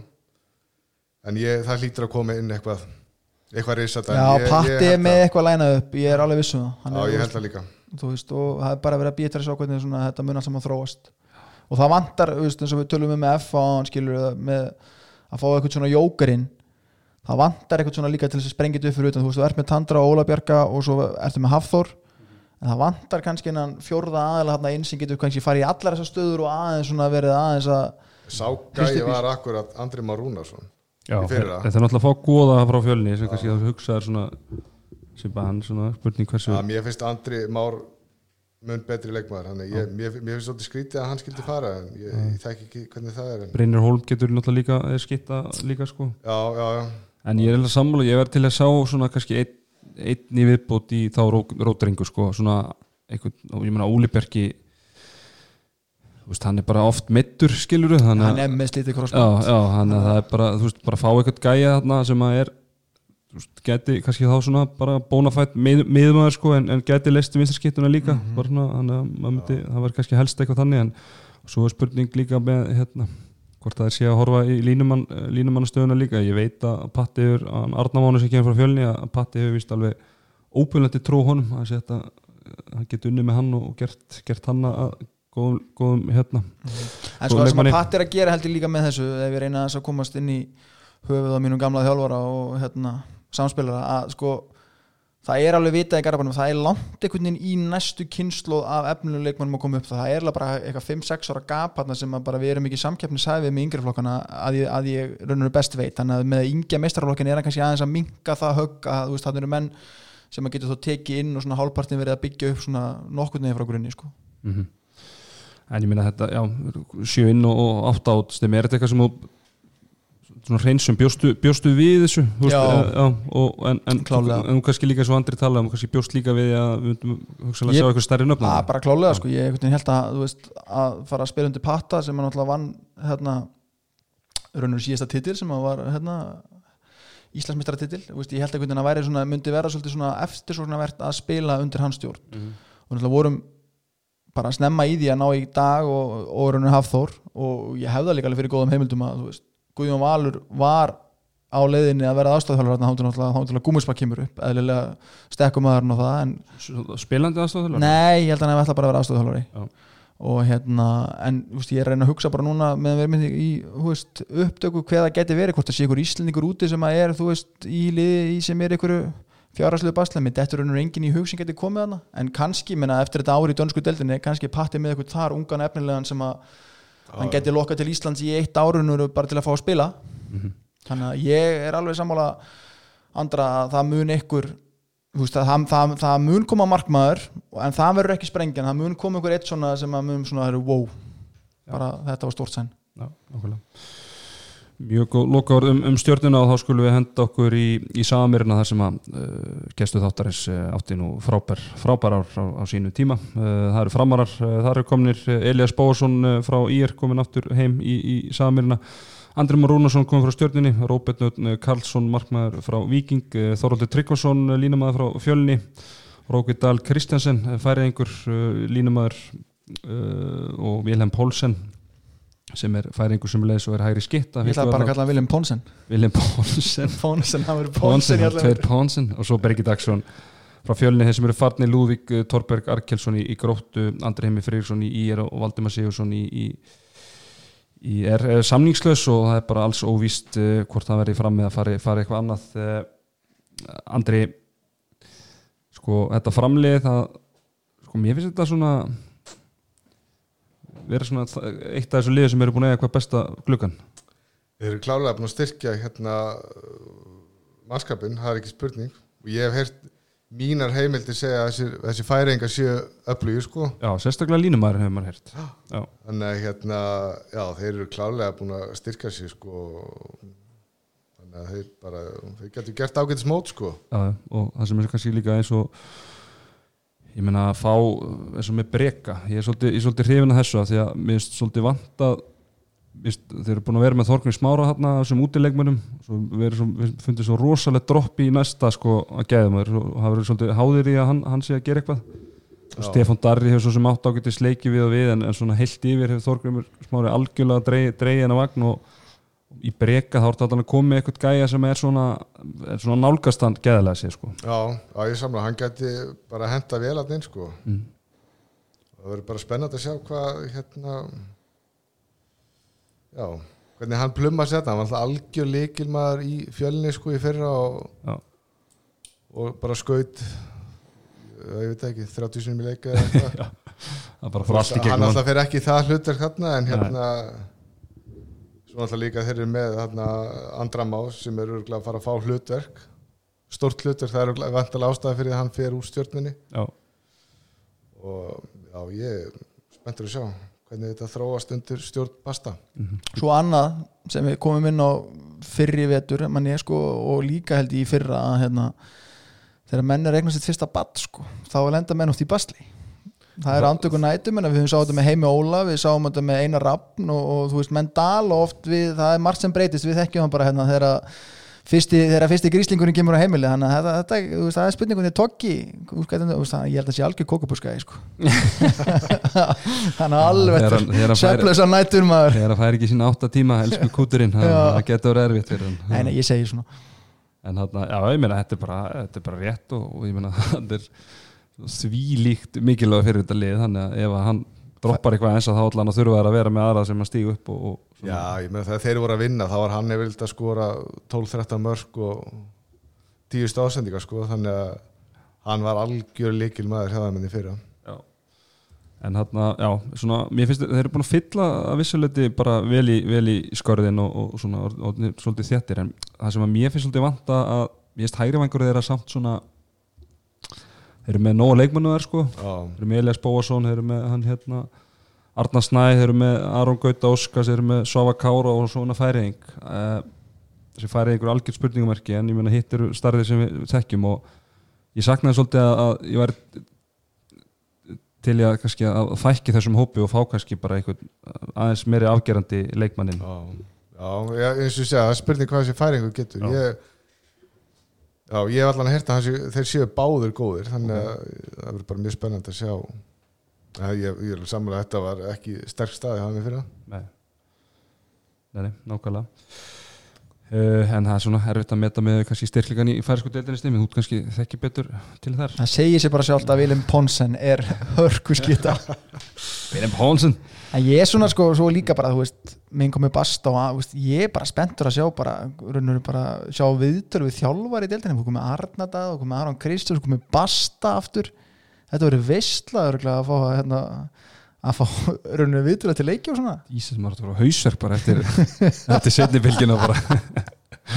Þetta verður einhver einhver tómitt Já, þú er samt í góðri æfingum en við valla hvað Arnardað er að segja nú þegar hérna þegar nefnir okkur í stúdíónu Já, það verður, mjög hófvert mm, Orð, orðabókin hans verður dregin upp er bara text, bara hérna til stöðtu sport að að bara tek, text. textiði mannin þá skilur þetta sér allt saman Nei, nei, ég segi svona, heyrðu, þá var það uh, bregðoltið uh, það er búið að vera svona á, áhugaverðasta sumarið þar heldur betur. Ég er bara, þetta er eins og í einhverjum hérna, skrýparleik Hvað er búið að skrifa manga fréttur um þetta, um þetta grín er, þetta er svona, þetta, er farsi við getum orðað þannig en, en ég, Já, ég illa og Henry Birgir er að elska já, þetta. já, það er mjölka þetta. Ég held að, ég held að hérna, Kitty Björguls er búin að vera fjórum eða fimm sinnum hann í sporti í dag Ég er búin að sjá meira heldur en Guðna Fosseta hann er bara búin að vera með meira airtime síðustu þrjá fyrir mánuðina heldur en Fossetin sko. alltaf í er peysunni sinni glæsilegur, eh, glæsilegur. Heyrðu, komnir, Eithor Vestmann frá stjórninni og hann er ekki bara leikmaður heldur eins konar markþjálfi eða, eða svoleiðis. Ég er ekki grínast. Er hann sérst að fara Andri, þú þekkir nú vel til Eithors er vel til fallin í þetta hlutar Já, já, góð drengur og Já. Og hörku leikmaður á hraustur. gríðarlega hraustur og hérna Erum við þá að tala um að hann sé bara að fara í eitthvað svona nökku að begga Ólafs hlutverk fyrir Já, í strákunum líka skilur Já, ég veit ekki hversu djúft, kannski ekki jafn djúft í fræðin en þetta er á svona, svona að, hvað við að segja, búið til meiri kallmennsku innan, innan hópsins og, og mér skilst að fyrsta, hans fyrsta verkefni er að segja allum að byrja að taka lísi Já, já er- hvernig lýsið ufsað að þoska ja, við förum alltaf beint í, omega, já, svona, svona omega 3 eða svona bætt bara. dropa svona, beint að vestan einhver svona Nei, lýsið Þetta er svo, sopið úr flösku, það er alveg pottið já, já, það er ok, Eru, svo hérna, eh, Tómas Helgi Vemæir uh, þetta er nú leikmaður sem ég þ- myndi nú ekki þekkja neitt til að, en öðru séðan að hann spilaði með Íhá fyrir nokkrum árum manni og hérna, þegar Kitty Björguls var, að- var að þjálfa, þjálfa Íhá og hann er uppalinn nýringur en ég þekki ekki mikil deili á honum að öðru leiti Gunnar Valdemar Jónsson kemur frá stjórnunni og Andri Heimir Friðriksson frá fram og verður aðstóðþjálfari með honum Kitta. Uh, Jón Kristinn Björgvinsson hann er hérna skráður að, hann sé að koma úr meðslum, það er náttúrulega mjög góður leikmaður, Andri, hann náttúrulega við erum náttúrulega verið vitna því þegar hann mittist uh, ansið hreint illa og hann hefur ekkert komist Já, almennilega á flug eftir það. Flottur leikmaður. Björgvin Páll Rúnarsson sko ég, það er ekki búið að tilkynna að hann sé komið frá fjölni en, en, en mér skilst að hann sé sé bara komin, komin þangað og verði, verði þarna í vetur og, og svo var það hann Sævar Gunnlaugsson uh, starfsmaður Jó Úterja og hérna mikill, mikill íringur. Uh, hann í rauninni, það var við vorum með fjáröflun hann eins og, og fræktir orðið og, og það var hægt að kaupa sér sæti í liðinu í, í eitt, eitt leik og það var einhver nafnlaus uh, velurunari félagsinn sem, að- að kefti það og, og, og gaf þessum sævari sæti í liðinu. Þannig að hann búin verið í Já. hóparna einhvern tíðan þannig að það var mjög áhugavert eh, innslag. Og verður vítaskipta líka eða ekki? Jú, gott ef ekki. Allan að það lítur að fá takkið vít þetta er mjög Æ, verkefni. Já, sko bara flott fyrir Sævar sem virka veikranlega algjör topp drengur og bara stundismæður bara fram í fingugóma en hvernig verður þetta, þú veist, hvaða markmaður þú veist, hann mætir kemur Sævar inn á veist, er kannski með dölerinn. Bara hvað er í gangi núna? Ég vil er í spenntur að sjá. Ég, ég veit ekkert hvað þetta er en er þetta, þetta er ekki gamall íþróttamæður eða hvað? Nei, nei, nei, nei, það sem að nei, ekki, úst, all, er ekki allan ekki með- þannig skilur hann, hann, Ég held að sé ekki með neitt íþrótta Glerharðu Púlari síndist mér á þessu vitalega hann var, Já, hann hann var í. Já, Hann er að vinna í Jótari á, og hérna, þú veist ég bara, drengurinn verður að púls í svona 190 þegar hann kemur inn á. Það virkaði nú nógu stressar í þessu viðtali sko, hann, ég veit ekki hvernig það verður en, Nei, nei, ég hef fulla trúan hann, hann virkaði flottur og ég held að hann, hann massi þetta. En, en sko, eitt með þessa söfnunana að þegar við vorum að gera við vorum að gera svolítið grínaðinni hérna svona þannig.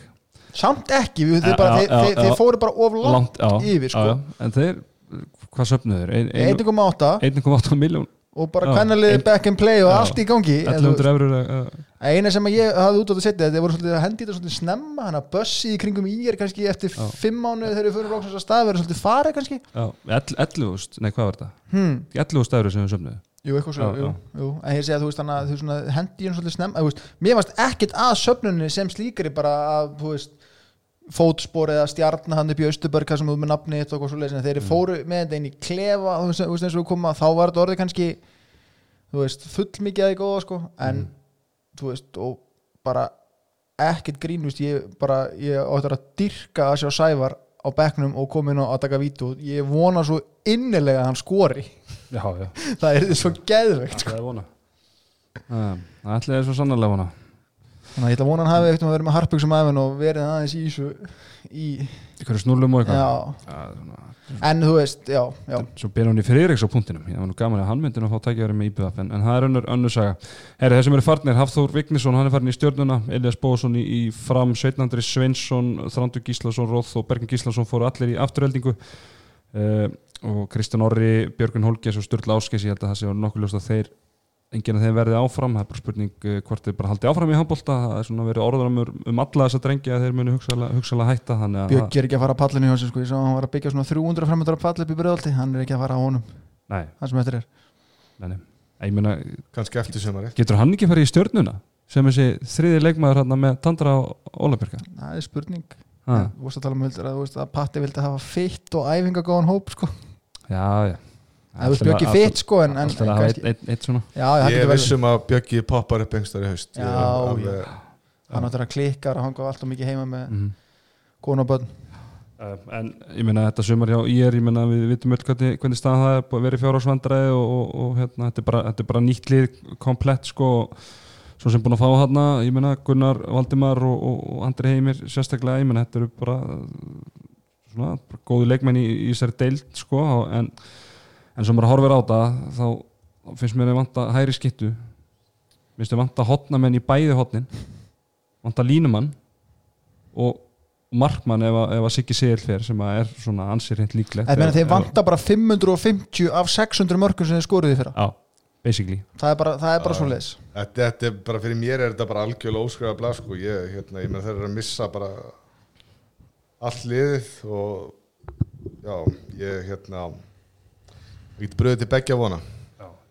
En þú veist, það er alltaf leið, það er alveg fínir spilarar þarna, skilur, þú veist, menna, Andri heimir er með reynslu og menna, Gunnar Jónsson getur alveg, þú veist, menna, þeir getur alveg, þú veist, menna, þeir eru ekki að fara að vera kannski eitthvað fallbössufóður gegn öllum liðum deildarinnar. Mm -hmm. og ég heldir deildinni, sko.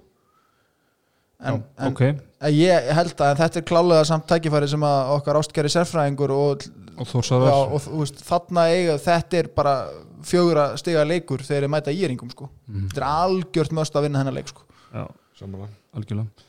Herru, það er spurning, ég meina eins og við tölum um vandi hodnamenn, ég meina getur við sé Andra Þór Helgason poppa hann upp? Já, ég held ekki. Nei. Það bróður að spila þetta um árið. Já, ég hitt hann að mitt í brikkarna bara fyrir um það við viku síðan hann Raka? Já, hann var hress og kátur að sjá sko en hérna be, er þetta ekki bara ómikið grín fyrir andra nennir andri, veist, vill, ekki láta að taka sig aðeins meira alvarlega heldur en þetta?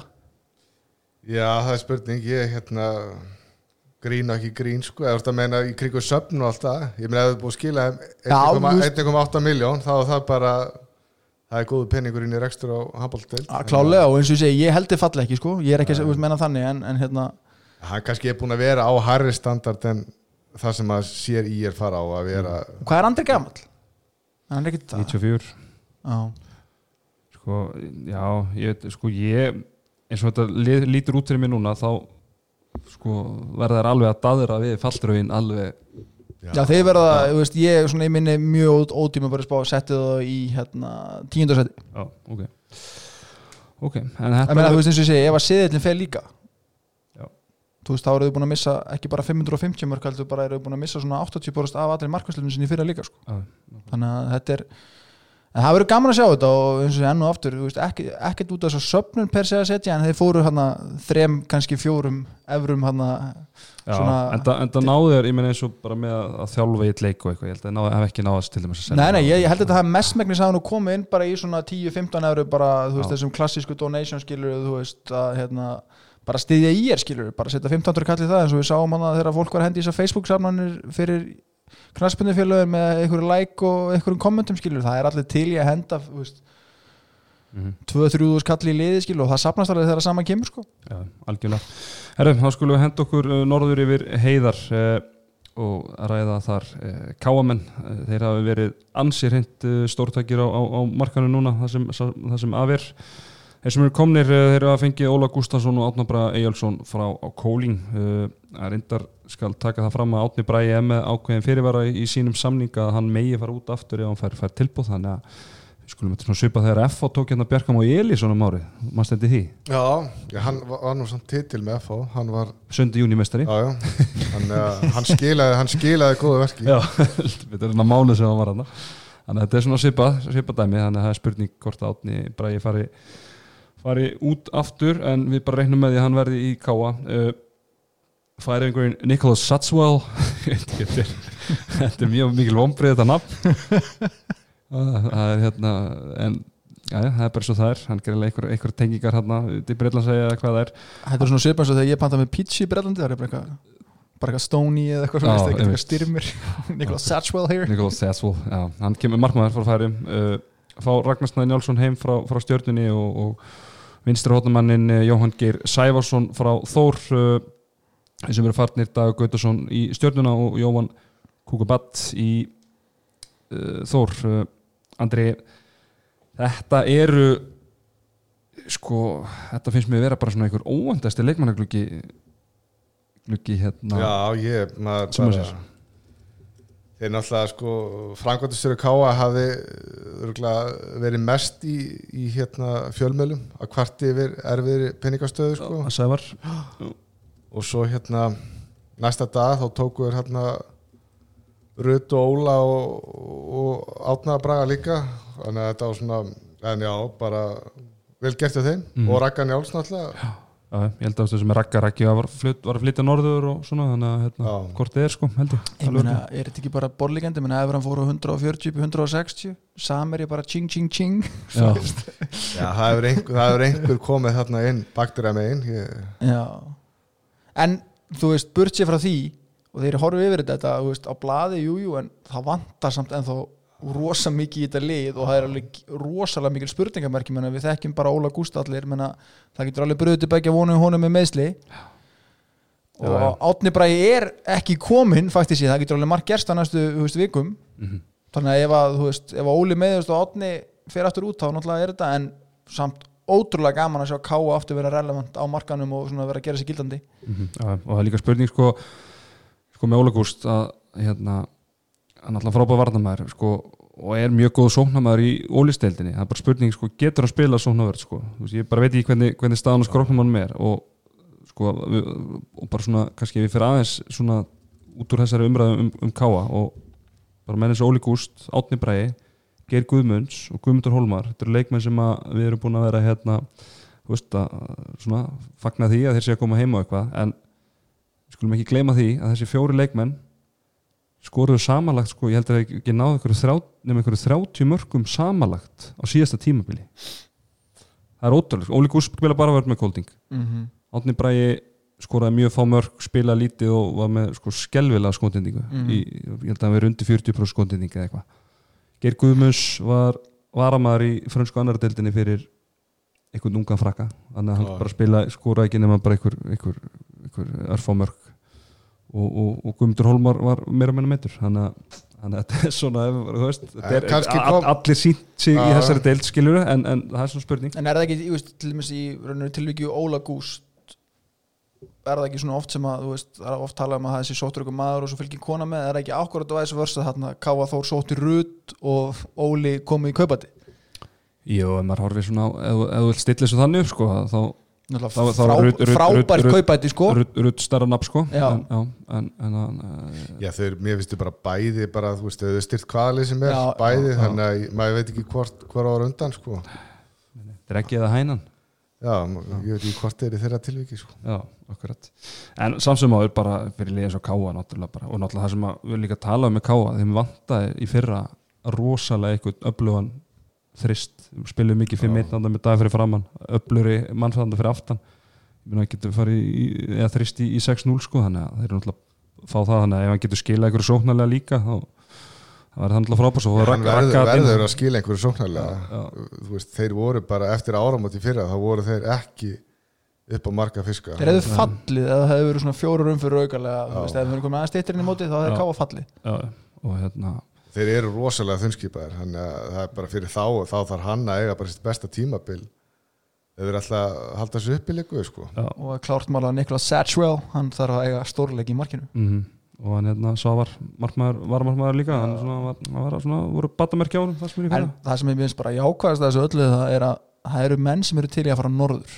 Já, Já, þú veist, það er svo þú veist, ég veit kannski þegar, þú veist, þegar maður var tvítur þá var það kannski ekki svona mest sexy í heiminum en eftir sem maður eldist, það hugsa sér bara fínt fyrir fjölskyldufólk að fara að norður og, og spila eða það fær fínan samning sko. ég held að það eins og með, bara með Óla og Rutt skilu, það sem að þau hafa hugsað, ég menna þau eru bara vöndi að vera í, í litlum bæ saman með, með, með batni sem er nú ekki orðið gamalt mm -hmm. að hérna þú veist, sjá bara svona akkurir í 1-2 ár bara, sem bara svona næst stað bara til að Hvar voru það? Voruð þið í Esbjerg? Það voru í Kolding, Kóling ég veit ekki hvað er byggu sko en Nei, Ég er nefnilega Kára Átnason í öðru podcasti að tala um Esbjerg með daginn og held ég að Akureyri sé bara eins og bara Já. komið bara til bara London sko. Já, ég veit, já, já, fínt að vera á fínt að vera akkuriri, en hérna strákar, ef maður horfir svona á, á liði, ég meina, ég finnst þeir vera búin að minna, vinstri skiptustæðan var ákveðið veikleikamerki í fyrra, ég meina þeir eru með ágætis ágætis miðjumanni eins og í Patriki og, og Jón hefur getur list það líka. Ég meina hæri skiptustæðan með Áka og, og Daniel Griffin og, og, hæra hotnið með Átnabraga og, hann hérna Allan Norberg. Uh, og segjum að sér færi einhver sér góður þannig að þá finnst mér samt svona tvær stuður eftir sem að mér finnst þurfa að styrkja. Að ég væri til að segja að fá svona meiri bó sóknarlega á línuna. Uh, svona uh, hann hérna Danni og Einarbergi kannski fínir, fínir línumennu þetta en svona og Danni náttúrulega sérstaklega öflugur, varnarlega og hérna en svona ég held að myndi alveg kjósa að fá fleiri, fleiri mörg eru sóknarlega ekki línunni. miðjumann, hver er á miðjunni? hér? Patrikur Stefáns hann er Já. átti ágætist tímbili fyrra þannig að það er svona og Ég getur sé bara að líka það er eitt samnefnur í þessu öllu hjá sem ég bara fara ekki að mynda það vantar bara fleiri í, í stöðunar okkar þetta það vantar markmenn og vantar línumenn eru rosalega þunnskipaðir já, en svo er önnur staða sem að mér finnst jafnvel sko myndum maður vilja sjá enn meiri styrkingu sko að það er hérna náttúrulega missa Dag Veitarsson uh, hann hérna uh, Andri Stefán sem er að, núna að fara að þjálfa kvennalið þannig að það verður Nó að gera í honum. Andri Snær, það, hérna, verður, verður hérna, nú að gera hjá honum. Og hann er náttúrulega orðinn 34 ára þannig að hann er ekki að fara að bera upp þessu stöðu skilju, það er bara að segja sjálf sækja Jóhann Geir Sæfarsson frá, frá Þór uh, heima, eða þú veist, ég held að í Káa þetta er sonur hans hérna Sæfars Átna og ég meina ágætist leikmaður og allt það, en ég meina þetta var leikmaður í fyrra sem var varamæður í fyrstu dillaliði sko. Þannig að ég veit ekki, ef að, að og skrifa blað bara. Já, al, algjörlega sko. Þannig að ég myndi ef að ég væri með uh, tjekk eftir frá, frá Samerja þá myndi ég byrja að ringi Andra Þór Helgason og, og spurja hvað hann vildi fyrir að fara að Mhm. koma norður. Og ef að hann myndi ekki ganga þá myndi ég heyri Einari Pétri Já. og gaf hvort það myndi ganga Mhm. Og hvað svo? og svo bara Svo myndi Aron því að já, já, ég er með samæri eftir Bara með, með með tjekk eftir sko. já, já, já, eða svona hvað hva segir ég með það er það ekki, Jó, ég svolítið það var náttúrulega mjög öflugt fyrir það sko já, en, hérna, já, en hann ætlar að spila á fullu stálmúsin hann, Já, já, já, og ég meina hann er búin að vera flottur leikmaður undanverðin ár Já, hann, já. en bara svona, ég, veist, ég, ég bara sé hann ekki þú veist, ef hann geti þú veist, ég, bara, ég sé hann ekki einhvern veginn geta borið þessa stöðu uppi, bara með allt sem er í gangi honum. hann þarf eitthvað með sér. Já, ég held bara að sé svo ógeðslega gaman að búa fyrir norðan í eitt vetur og bara og raunum taka þetta bara svona ólina því að þú veist þegar það gengur vel í að káa þá held ég sé örugglega bara fáu klúpa sem er örugglega jafn gaman í að vera raunum partur af ef þetta myndi fara á okkar flug sko. Já, Já. og jafnvel að koma þessum heimavall í gang sko sem hefur ekki verið að skilja þeim síðustu ár. Mm -hmm. einmitt. En já, en svona bara við draugum þetta saman, það var náttúrulega bara rosalega ánar að sjá hvað káa káa sig að fá leikmenn, að ég meina þeir hafa verið að bjóða íslensku leikmennum samninga síðust ár sem bara jafngildi kostnaði fyrir, fyrir að vera, vera með erlenda leikmenn en bara leikmenn hafa ekki viljað koma þess vegna hafa sótt, sótt mannskap erlendis og, og hérna en ég meina svo, menn Sóli, Gúst sem býtur vagnið, ég meina Átni bara er náttúrulega er frá Akureyri held ég alveg örgla, þannig að kannski aðeins pappa satna rektor og, í mennskólum mm. Akureyri held ég. Og líka að meira sens, og líka bara fyrir aðra leikmenn að sjá þessa tvo komna. Já, þú veist það ætti alveg að vera auðveldar að sala fyrir eina pétur eða andra að fara úrsturinu norður þegar þessir eru komni sko. mm þú veist það er alveg bara verið að sína það á að fara að keira á þetta sko.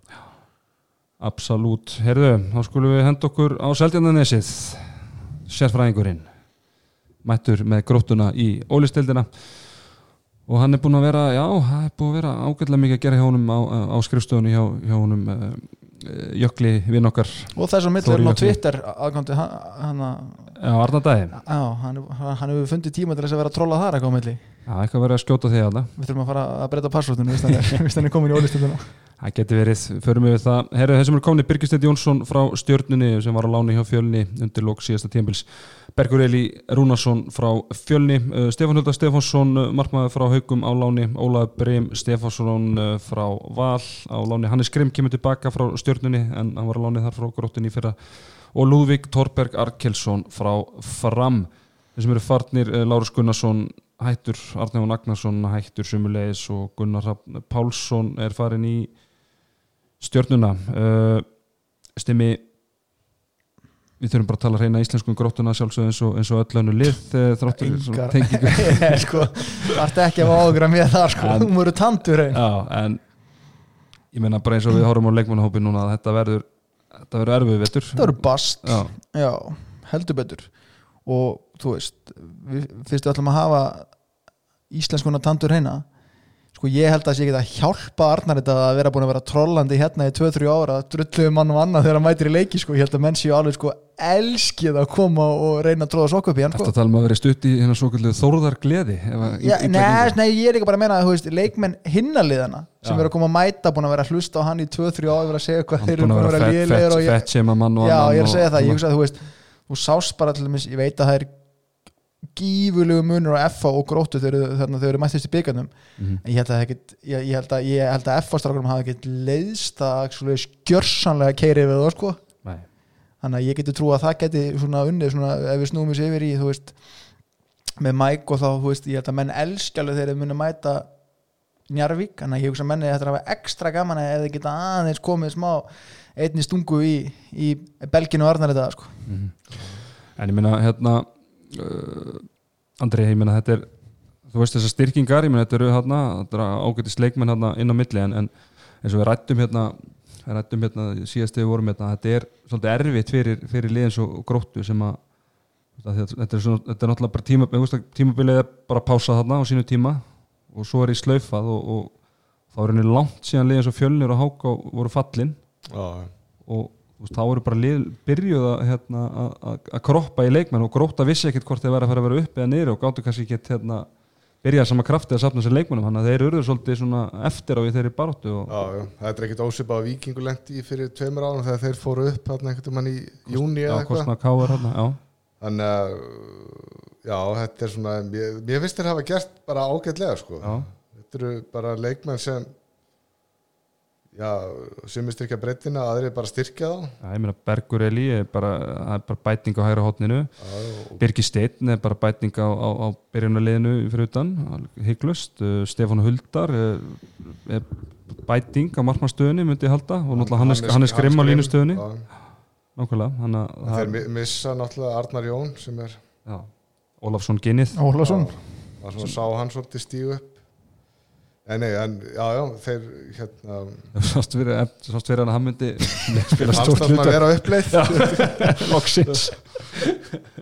En hérna, já En, já, En- ég, mér finnst þér hafa gert ágætlega sko, en þetta verður hérna, þetta verður erfitt samt hjá þeim. Já, já.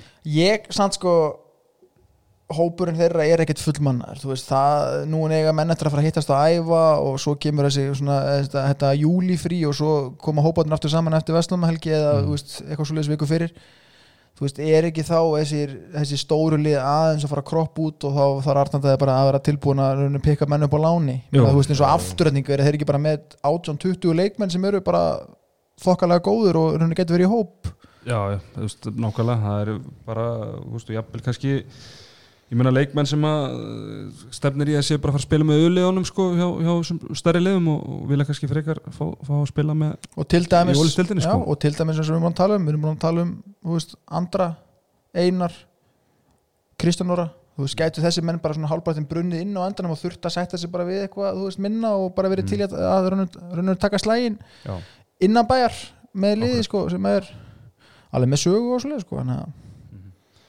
já, algjörlega. Uh, en svona ef maður horfir á svona ef maður gerir smá þarfagreiningu á að þá vantaði maður alveg tilfinnanlega hæri skittu, þeir eru með unga leikmann hérna, hann, hérna hann Ara uh, sem að hérna uh, bara mjög ungu strákur og, Já, já. svipum aldrei og svona inn Jú, ég held þessi 2002 Já, jú, já. bara mjög efnilegu strákur. Já. en þeir þurfa klárlega einhvern sko með honum alveg, alveg hygglust og þegar Arnar Jón er hættu þá er náttúrulega ég það er þá bara væntalega einhver ennþá yngri sko, myndi ég halda. Já. eða vera með réttindan aðna sem er nú Já, aldrei, aldrei einhvern veginn svona það er og sexy, finnst manni. Ekki nema bara einhverju svona algjöru hallari sko. Já, já, já, þannig að hérna, það er spurning, spurning hvernig það er og ég veit ekki, ég setti hérna hugsalega þurfti kannski eitthvað betri markmann sko, Stefán Huldam finnst mér góð markmaður en, en skulum ekki gleyma því að hann hefur enga reynsla því að vera almarkmaður í ólistildinni, hann hefur aldrei verið almarkmaður í ólistildinni, þegar hann hefur spilað í ólistildinni þá hefur hann verið varmarkmaður, varmarkmaður að hann hefur almarkmaður í fyrstundildinni þannig að mér bara, við verðum bara að setja spurningamerki við það skilur það er bara, annar kemur í ljós og, og það er allavega þá hann sé með þá aðeins betra backup með sér.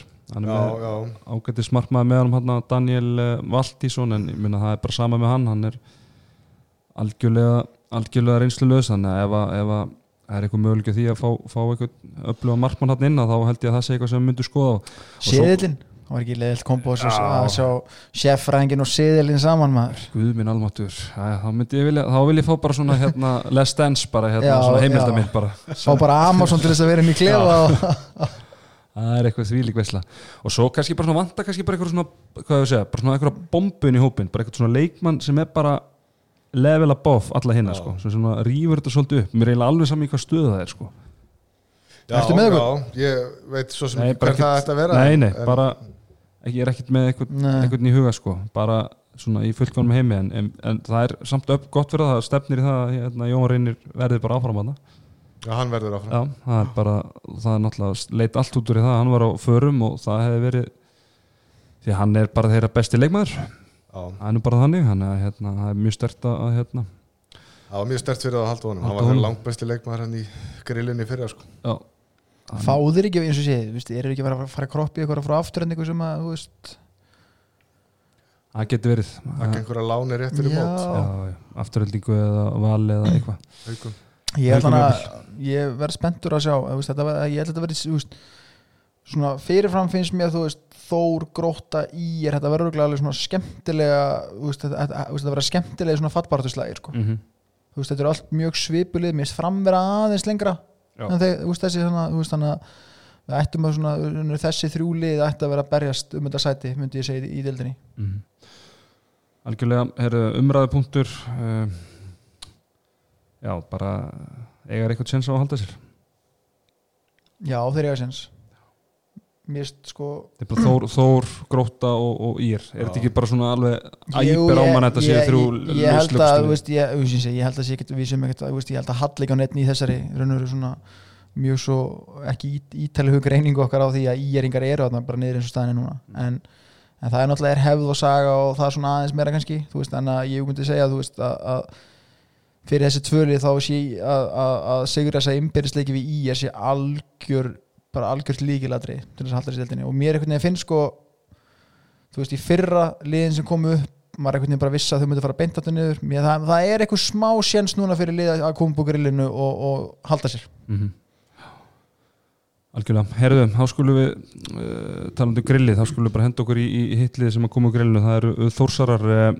þeir eru búin að fá Karoli Strópus frá afturöldingu og Jóhann Kúkabátt frá Káa, þeir sem eru farnir Jóhann Geir Sæfarsson farin í Káa og Brynjar Hólm Gretarsson í stjörnuna uh, Andri, þetta er svona ég veit það ekki, ég er bara svona sjaldan einhvern veginn vita ég að blítu um eitthvað lið sem, sem er að koma upp sko.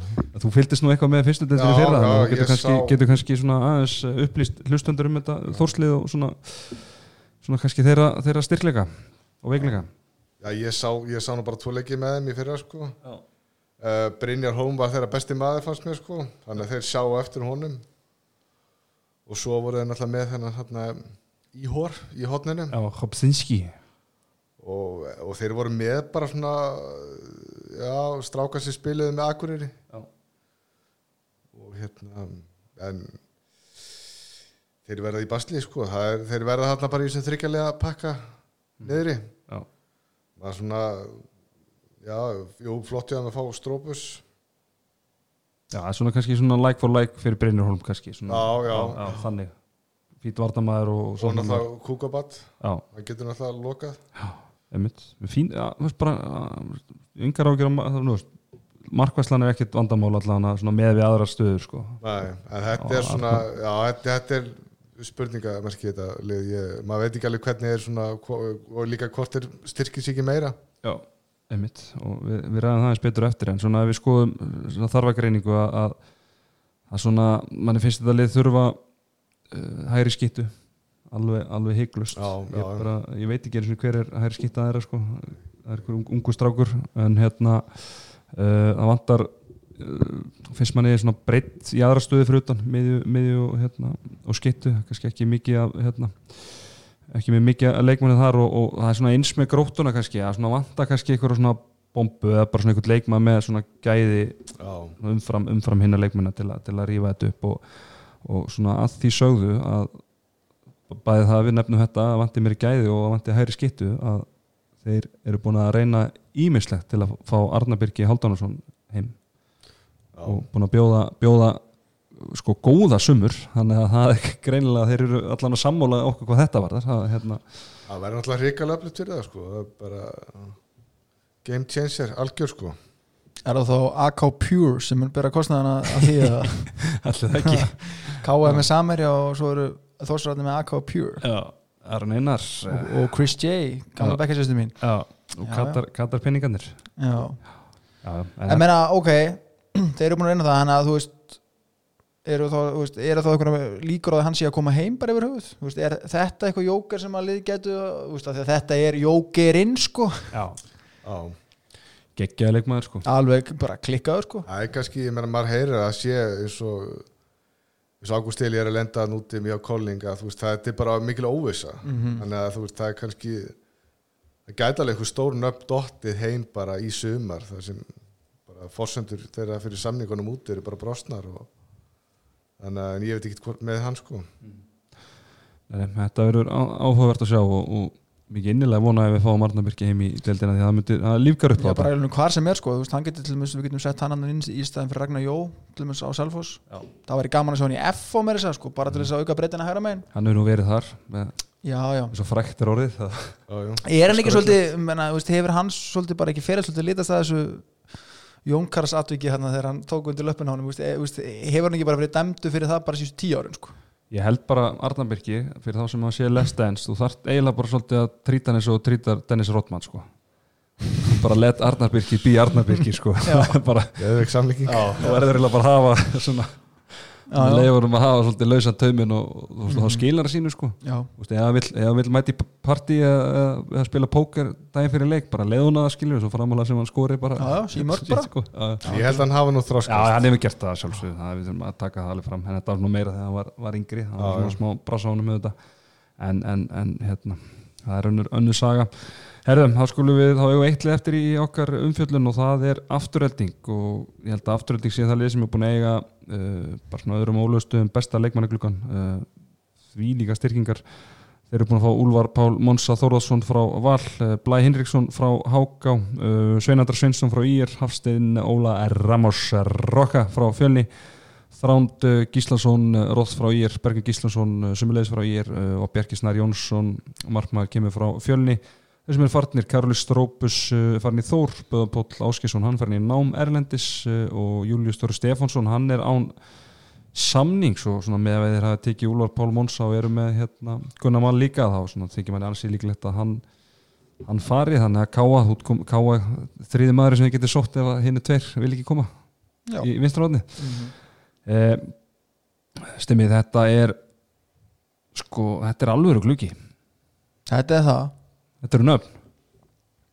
Já, þetta eru, þetta eru fín upp Já. Þú veist, enn og aftur það er engin bomba það myndi ég sann segja sko. Þetta eru allt bara, þetta eru allt mjög jafnur og góðu leikmenn sem munu bara styrkja hópin gífulega Það er engin svona, fyrir mér allar er engin í þessum hóp sem er bara svona eitthvað, wow, þið fengu hann. Blær geti, þú veist, verið þessi svona raunverið faktor kannski ef við horfum þrjú, tvö, þrjú ár fram í tíman sko. Mm. Bergvin líka alveg skeggjaðileg maður og, og Sveitnandri minna búið að vera svona Já, þessi, þetta eru allt Já. góðu leikmenn, það er engin svona bara, þú Já, veist þetta er ekki svona elitu leikmenn Nei, ég þetta er allt svona mjög, já.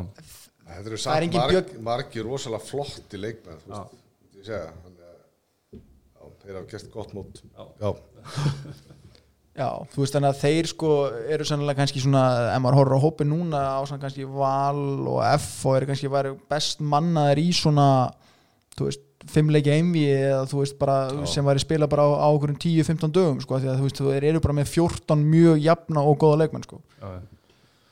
og ég meina maður horfir á þetta sko, ég sko mér stela bara vandamáli er að, að í vissum stöðum þá held ég að séu bara með ómikla breytt bara hvað mm -hmm. að gera við leikmenn þú veist, þú ert með, með Þorstein Gauta þú ert með, þú veist, með Blæ þú ert með, hérna, þú veist, með Bergvin, Bergvin. hérna, og, og Sveinandra þú ert með Tuma Tuma.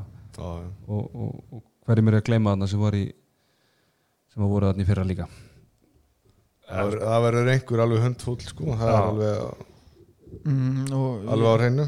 ég er okkar menn á kúlbættur um að setja tuma þar með Já. að hann verður hundfúll Já, akkurat. Já, já, þannig að þetta verður þetta er náttúrulega alveg, alveg og svo náttúrulega voru þeir alveg virkilega vel, vel mannaði fyrir sko, þannig að hérna svo er með nýjan þjálfara. Verður spennandi að sjá Já. hvernig hann vinnur úr hlutunum.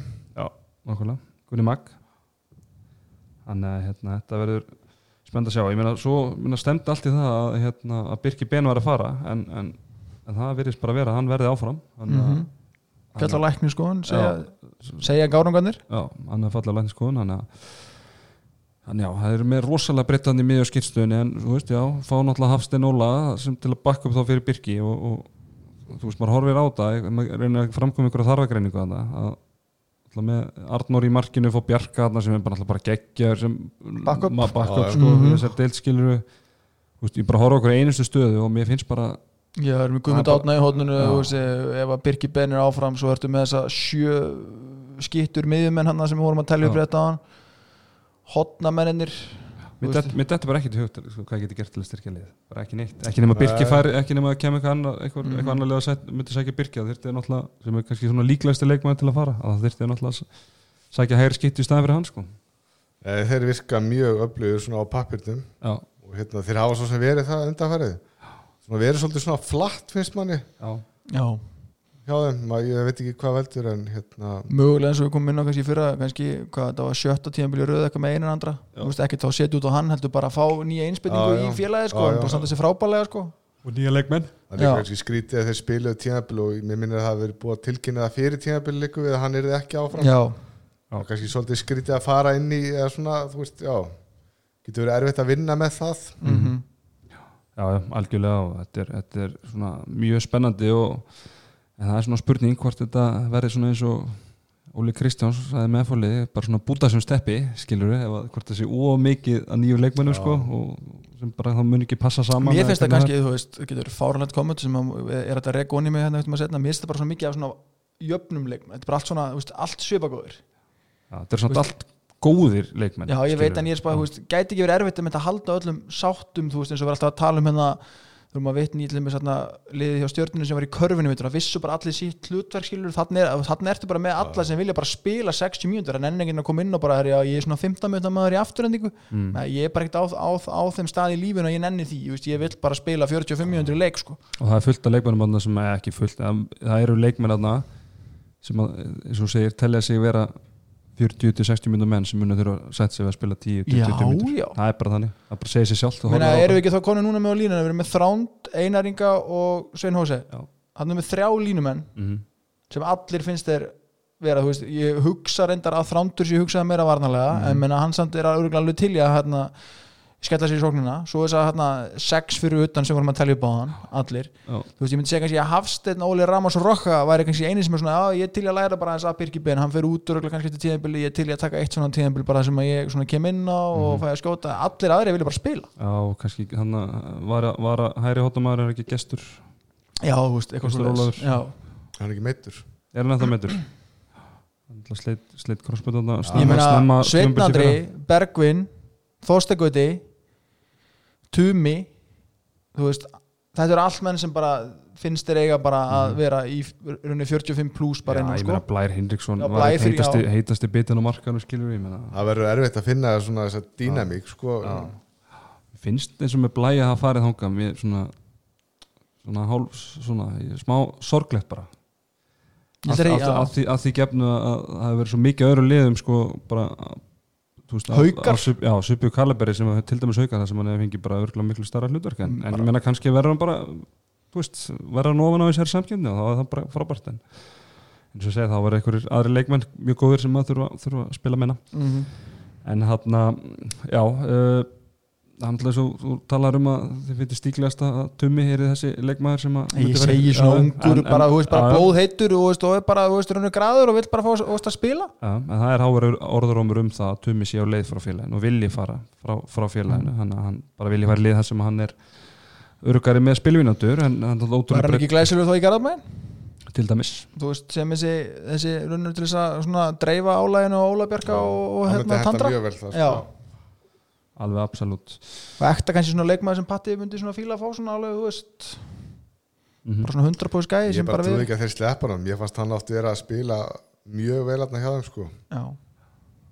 algjörlega þetta er svona fyrir þá sem spilu, spilu fútbolmanager, stundu keftum maður ómarka og, og það eru allir óanæður undir restina, maður komið allt og stóran hópa, maður kom ekki öllum strækjurinn fyrir sko, þetta, unrest í Já. hópnum, sko. þetta gæti alveg þetta, þetta, þetta gæti backfire en ég er samt hjartalega sammála þetta er lang besti glugginn sem eitthvað liðið verið átt í sumar sko. mm klart mál herru það voru búin að fara yfir öll liðin og, og hérna Þetta er eitthvað stutt og lag og Já. klukku tími Já, eða eitthvað Það getur bara einhverjum pörtum Já, þetta er flott. Herðu, hérna, stimmi, áður við hættum að þá vil ég fá ótíma bara spá frá, frá The Sneakers. Herru, já ég, Sponsored hérna, by Sneakers and Geico.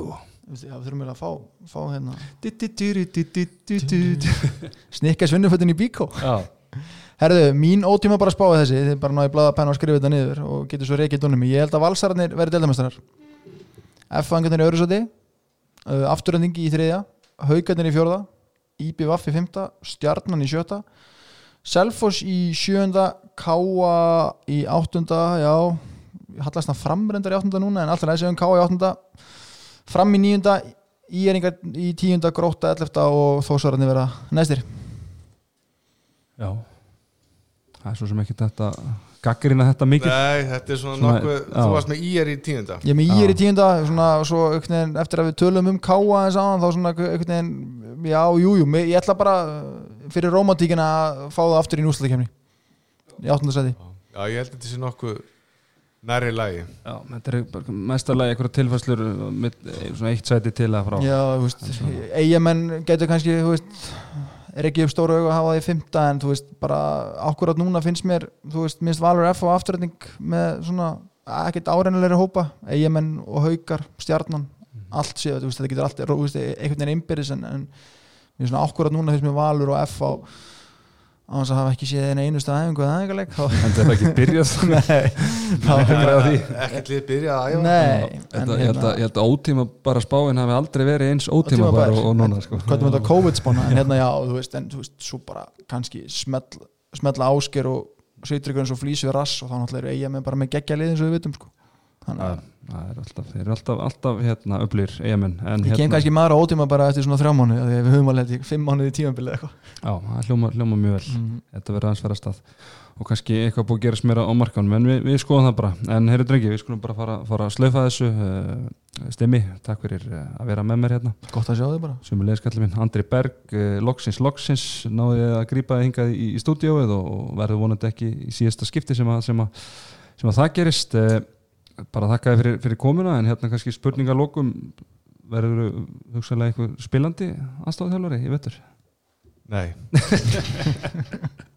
stutt og er stutt og lagátt skýrt og skorunort uh, uh, Já, drengir, takk fyrir að vera með mér hérna og hlustundur, takk fyrir að hlusta. Og við verðum hérna bara fyrir en, fyrir en síðar, verið þið sæl